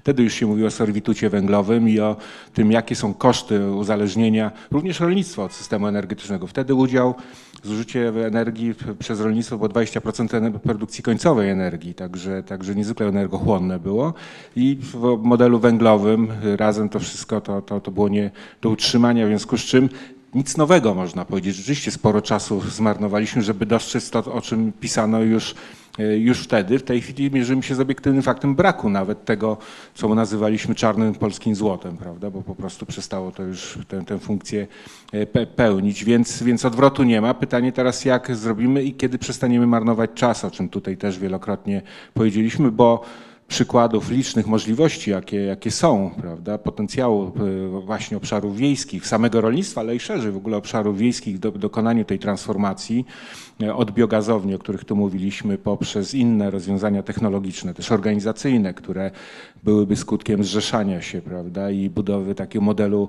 obywatelskiego czy demokratycznego, no jakkolwiek nazwiemy, różne są teraz nazwy, nie, nie o to chodzi. Chodzi o model, który by umożliwił współdziałanie w pozyskiwaniu drobnych sum kapitałowych niezbędnych na to, żeby uruchomić inwestycje. Przykład z fotowoltaiką, może to nie jest najlepszy, ale on pokazuje sam potencjał. Jeżeli się niewiele trzeba, żeby w ciągu dwóch lat 7 gigawatów zainstalować prywatnym sumptem, prawda, y, y, zwykłą energią obywatelską, trochę wspartą inicjatywą ustawodawczą i, i wsparciem finansowym, więc, więc y, widać, że, że, że potencjał rzeczywiście jest, jest gigantyczny. No teraz pytanie, jak to wszystko złożyć w odpowiednie inicjatywy, zarówno normatywne, jak i wspieranie energii tej na dole, która jest potrzebna, żeby, żeby to wszystko, o czym mówiliśmy, było było realne, natomiast najważniejsze, że to jest możliwe. Znaczy mam wrażenie, że z tej, z tej rozmowy wynika, jak, jak, jak dużo jest mo możliwe, że nie jesteśmy w jakiejś beznadziejnej sytuacji, jeśli chodzi o tę e, transformację. Także tyle takiego gorącego podsumowania. Każdy Państwa ma na pewno własne wnioski, także możemy jeszcze, poza domyślam się, że nie, nie kończymy jeszcze, będziemy mogli chwilę po, porozmawiać. Ja kończę tutaj te, tę część spotkania. Dziękuję serdecznie. Dziękuję Pani Profesor za zaproszenie. Dziękuję. E, tak, proszę Państwa, nie, tak, niesamowita uczta intelektualna. słuchać tak, tak, do, tak wyśmienitych ekspertów. E, jeszcze raz e, serdecznie dziękuję Pani prezes Fundacji Strefy, Strefa Zieleni, Pani Ewie Sufin-Jacquemart, tak? Panu Grzegorzowi Wiśniewskiemu, prezesowi Instytutu Energetyki Odnawialnej, ale to jest euro, byłemu dyrektorowi Europejskiego Centrum Energii Odnawialnej. Dobrze. To. E, tak, no przede wszystkim również dziękuję panu prezesowi e, Fundacji Batorego, panu e, Edwinowi Bendykowi, panu redaktorowi dobrze nam znanemu z polityki. I choć krótko, ale jednak bardzo dziękuję panie, panie premierze. Jak pan mnie widzi, to macham serdecznie i E, uśmiecham się z życzliwością i z podziękowaniem, że e, pan premier do nas dołączył i podzielił się e, tą perspektywą właśnie europejską. Mieliśmy tu i lokalną perspektywę, mieliśmy od producenta, od konsumenta, od obywatela i, i, i jakby cały miks Y, można powiedzieć, energetyczny tutaj nam się y, pojawił. No i y, również dziękuję mm, koledze, koledze naszemu z Instytutu, panu profesorowi Piotrowi Gradziukowi, ekspertowi od tej problematyki w naszym Instytucie. Dziękuję panu profesorowi Jerzemu Wilkinowi za zadawanie pytań, panu profesorowi Grzegorzowi Gorzelakowi za zadanie pytania. Również pan prezes członek również zarządu Good ale nie wiem, to jest przedsiębiorstwa z Przechlewo, Polanów, to jest Pomorze Środkowe.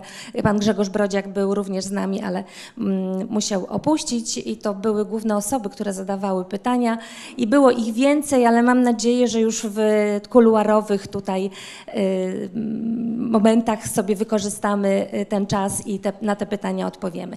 Dziękuję Państwu, dziękuję Państwu jeszcze raz, y, słuchaczom y, i zapraszam Państwa na ostatnią debatę. Już za tydzień, 6 y, czerwca, będziemy rozmawiali o Właściwie w tych naszych debatach wyszliśmy od tego, co nam daje nasza wiedza o przeszłości do przyszłości. Przeszliśmy przez jakość rządzenia, przez wspólną politykę rolną. Dziś rozmawialiśmy o energii i, i, i w całej transformacji energetycznej, a za tydzień rozmawiamy o wizji, e, o wizji polskiej wsi. Zatoczyliśmy horyzont do 2044 roku, aby odróżnić troszkę e, się od e, wizji e, Rural Long Term Vision, która na poziomie Unii Europejskiej była w zeszłym roku zatwierdzona, ale to będzie jednocześnie 40 lat członkostwa naszego w Unii Europejskiej i taki horyzont czasowy stawiamy. Więc zapraszam Państwa na tą ostatnią debatę za tydzień na podsumowanie naszych dyskusji jubileuszowych. Dziękuję Państwu jeszcze raz.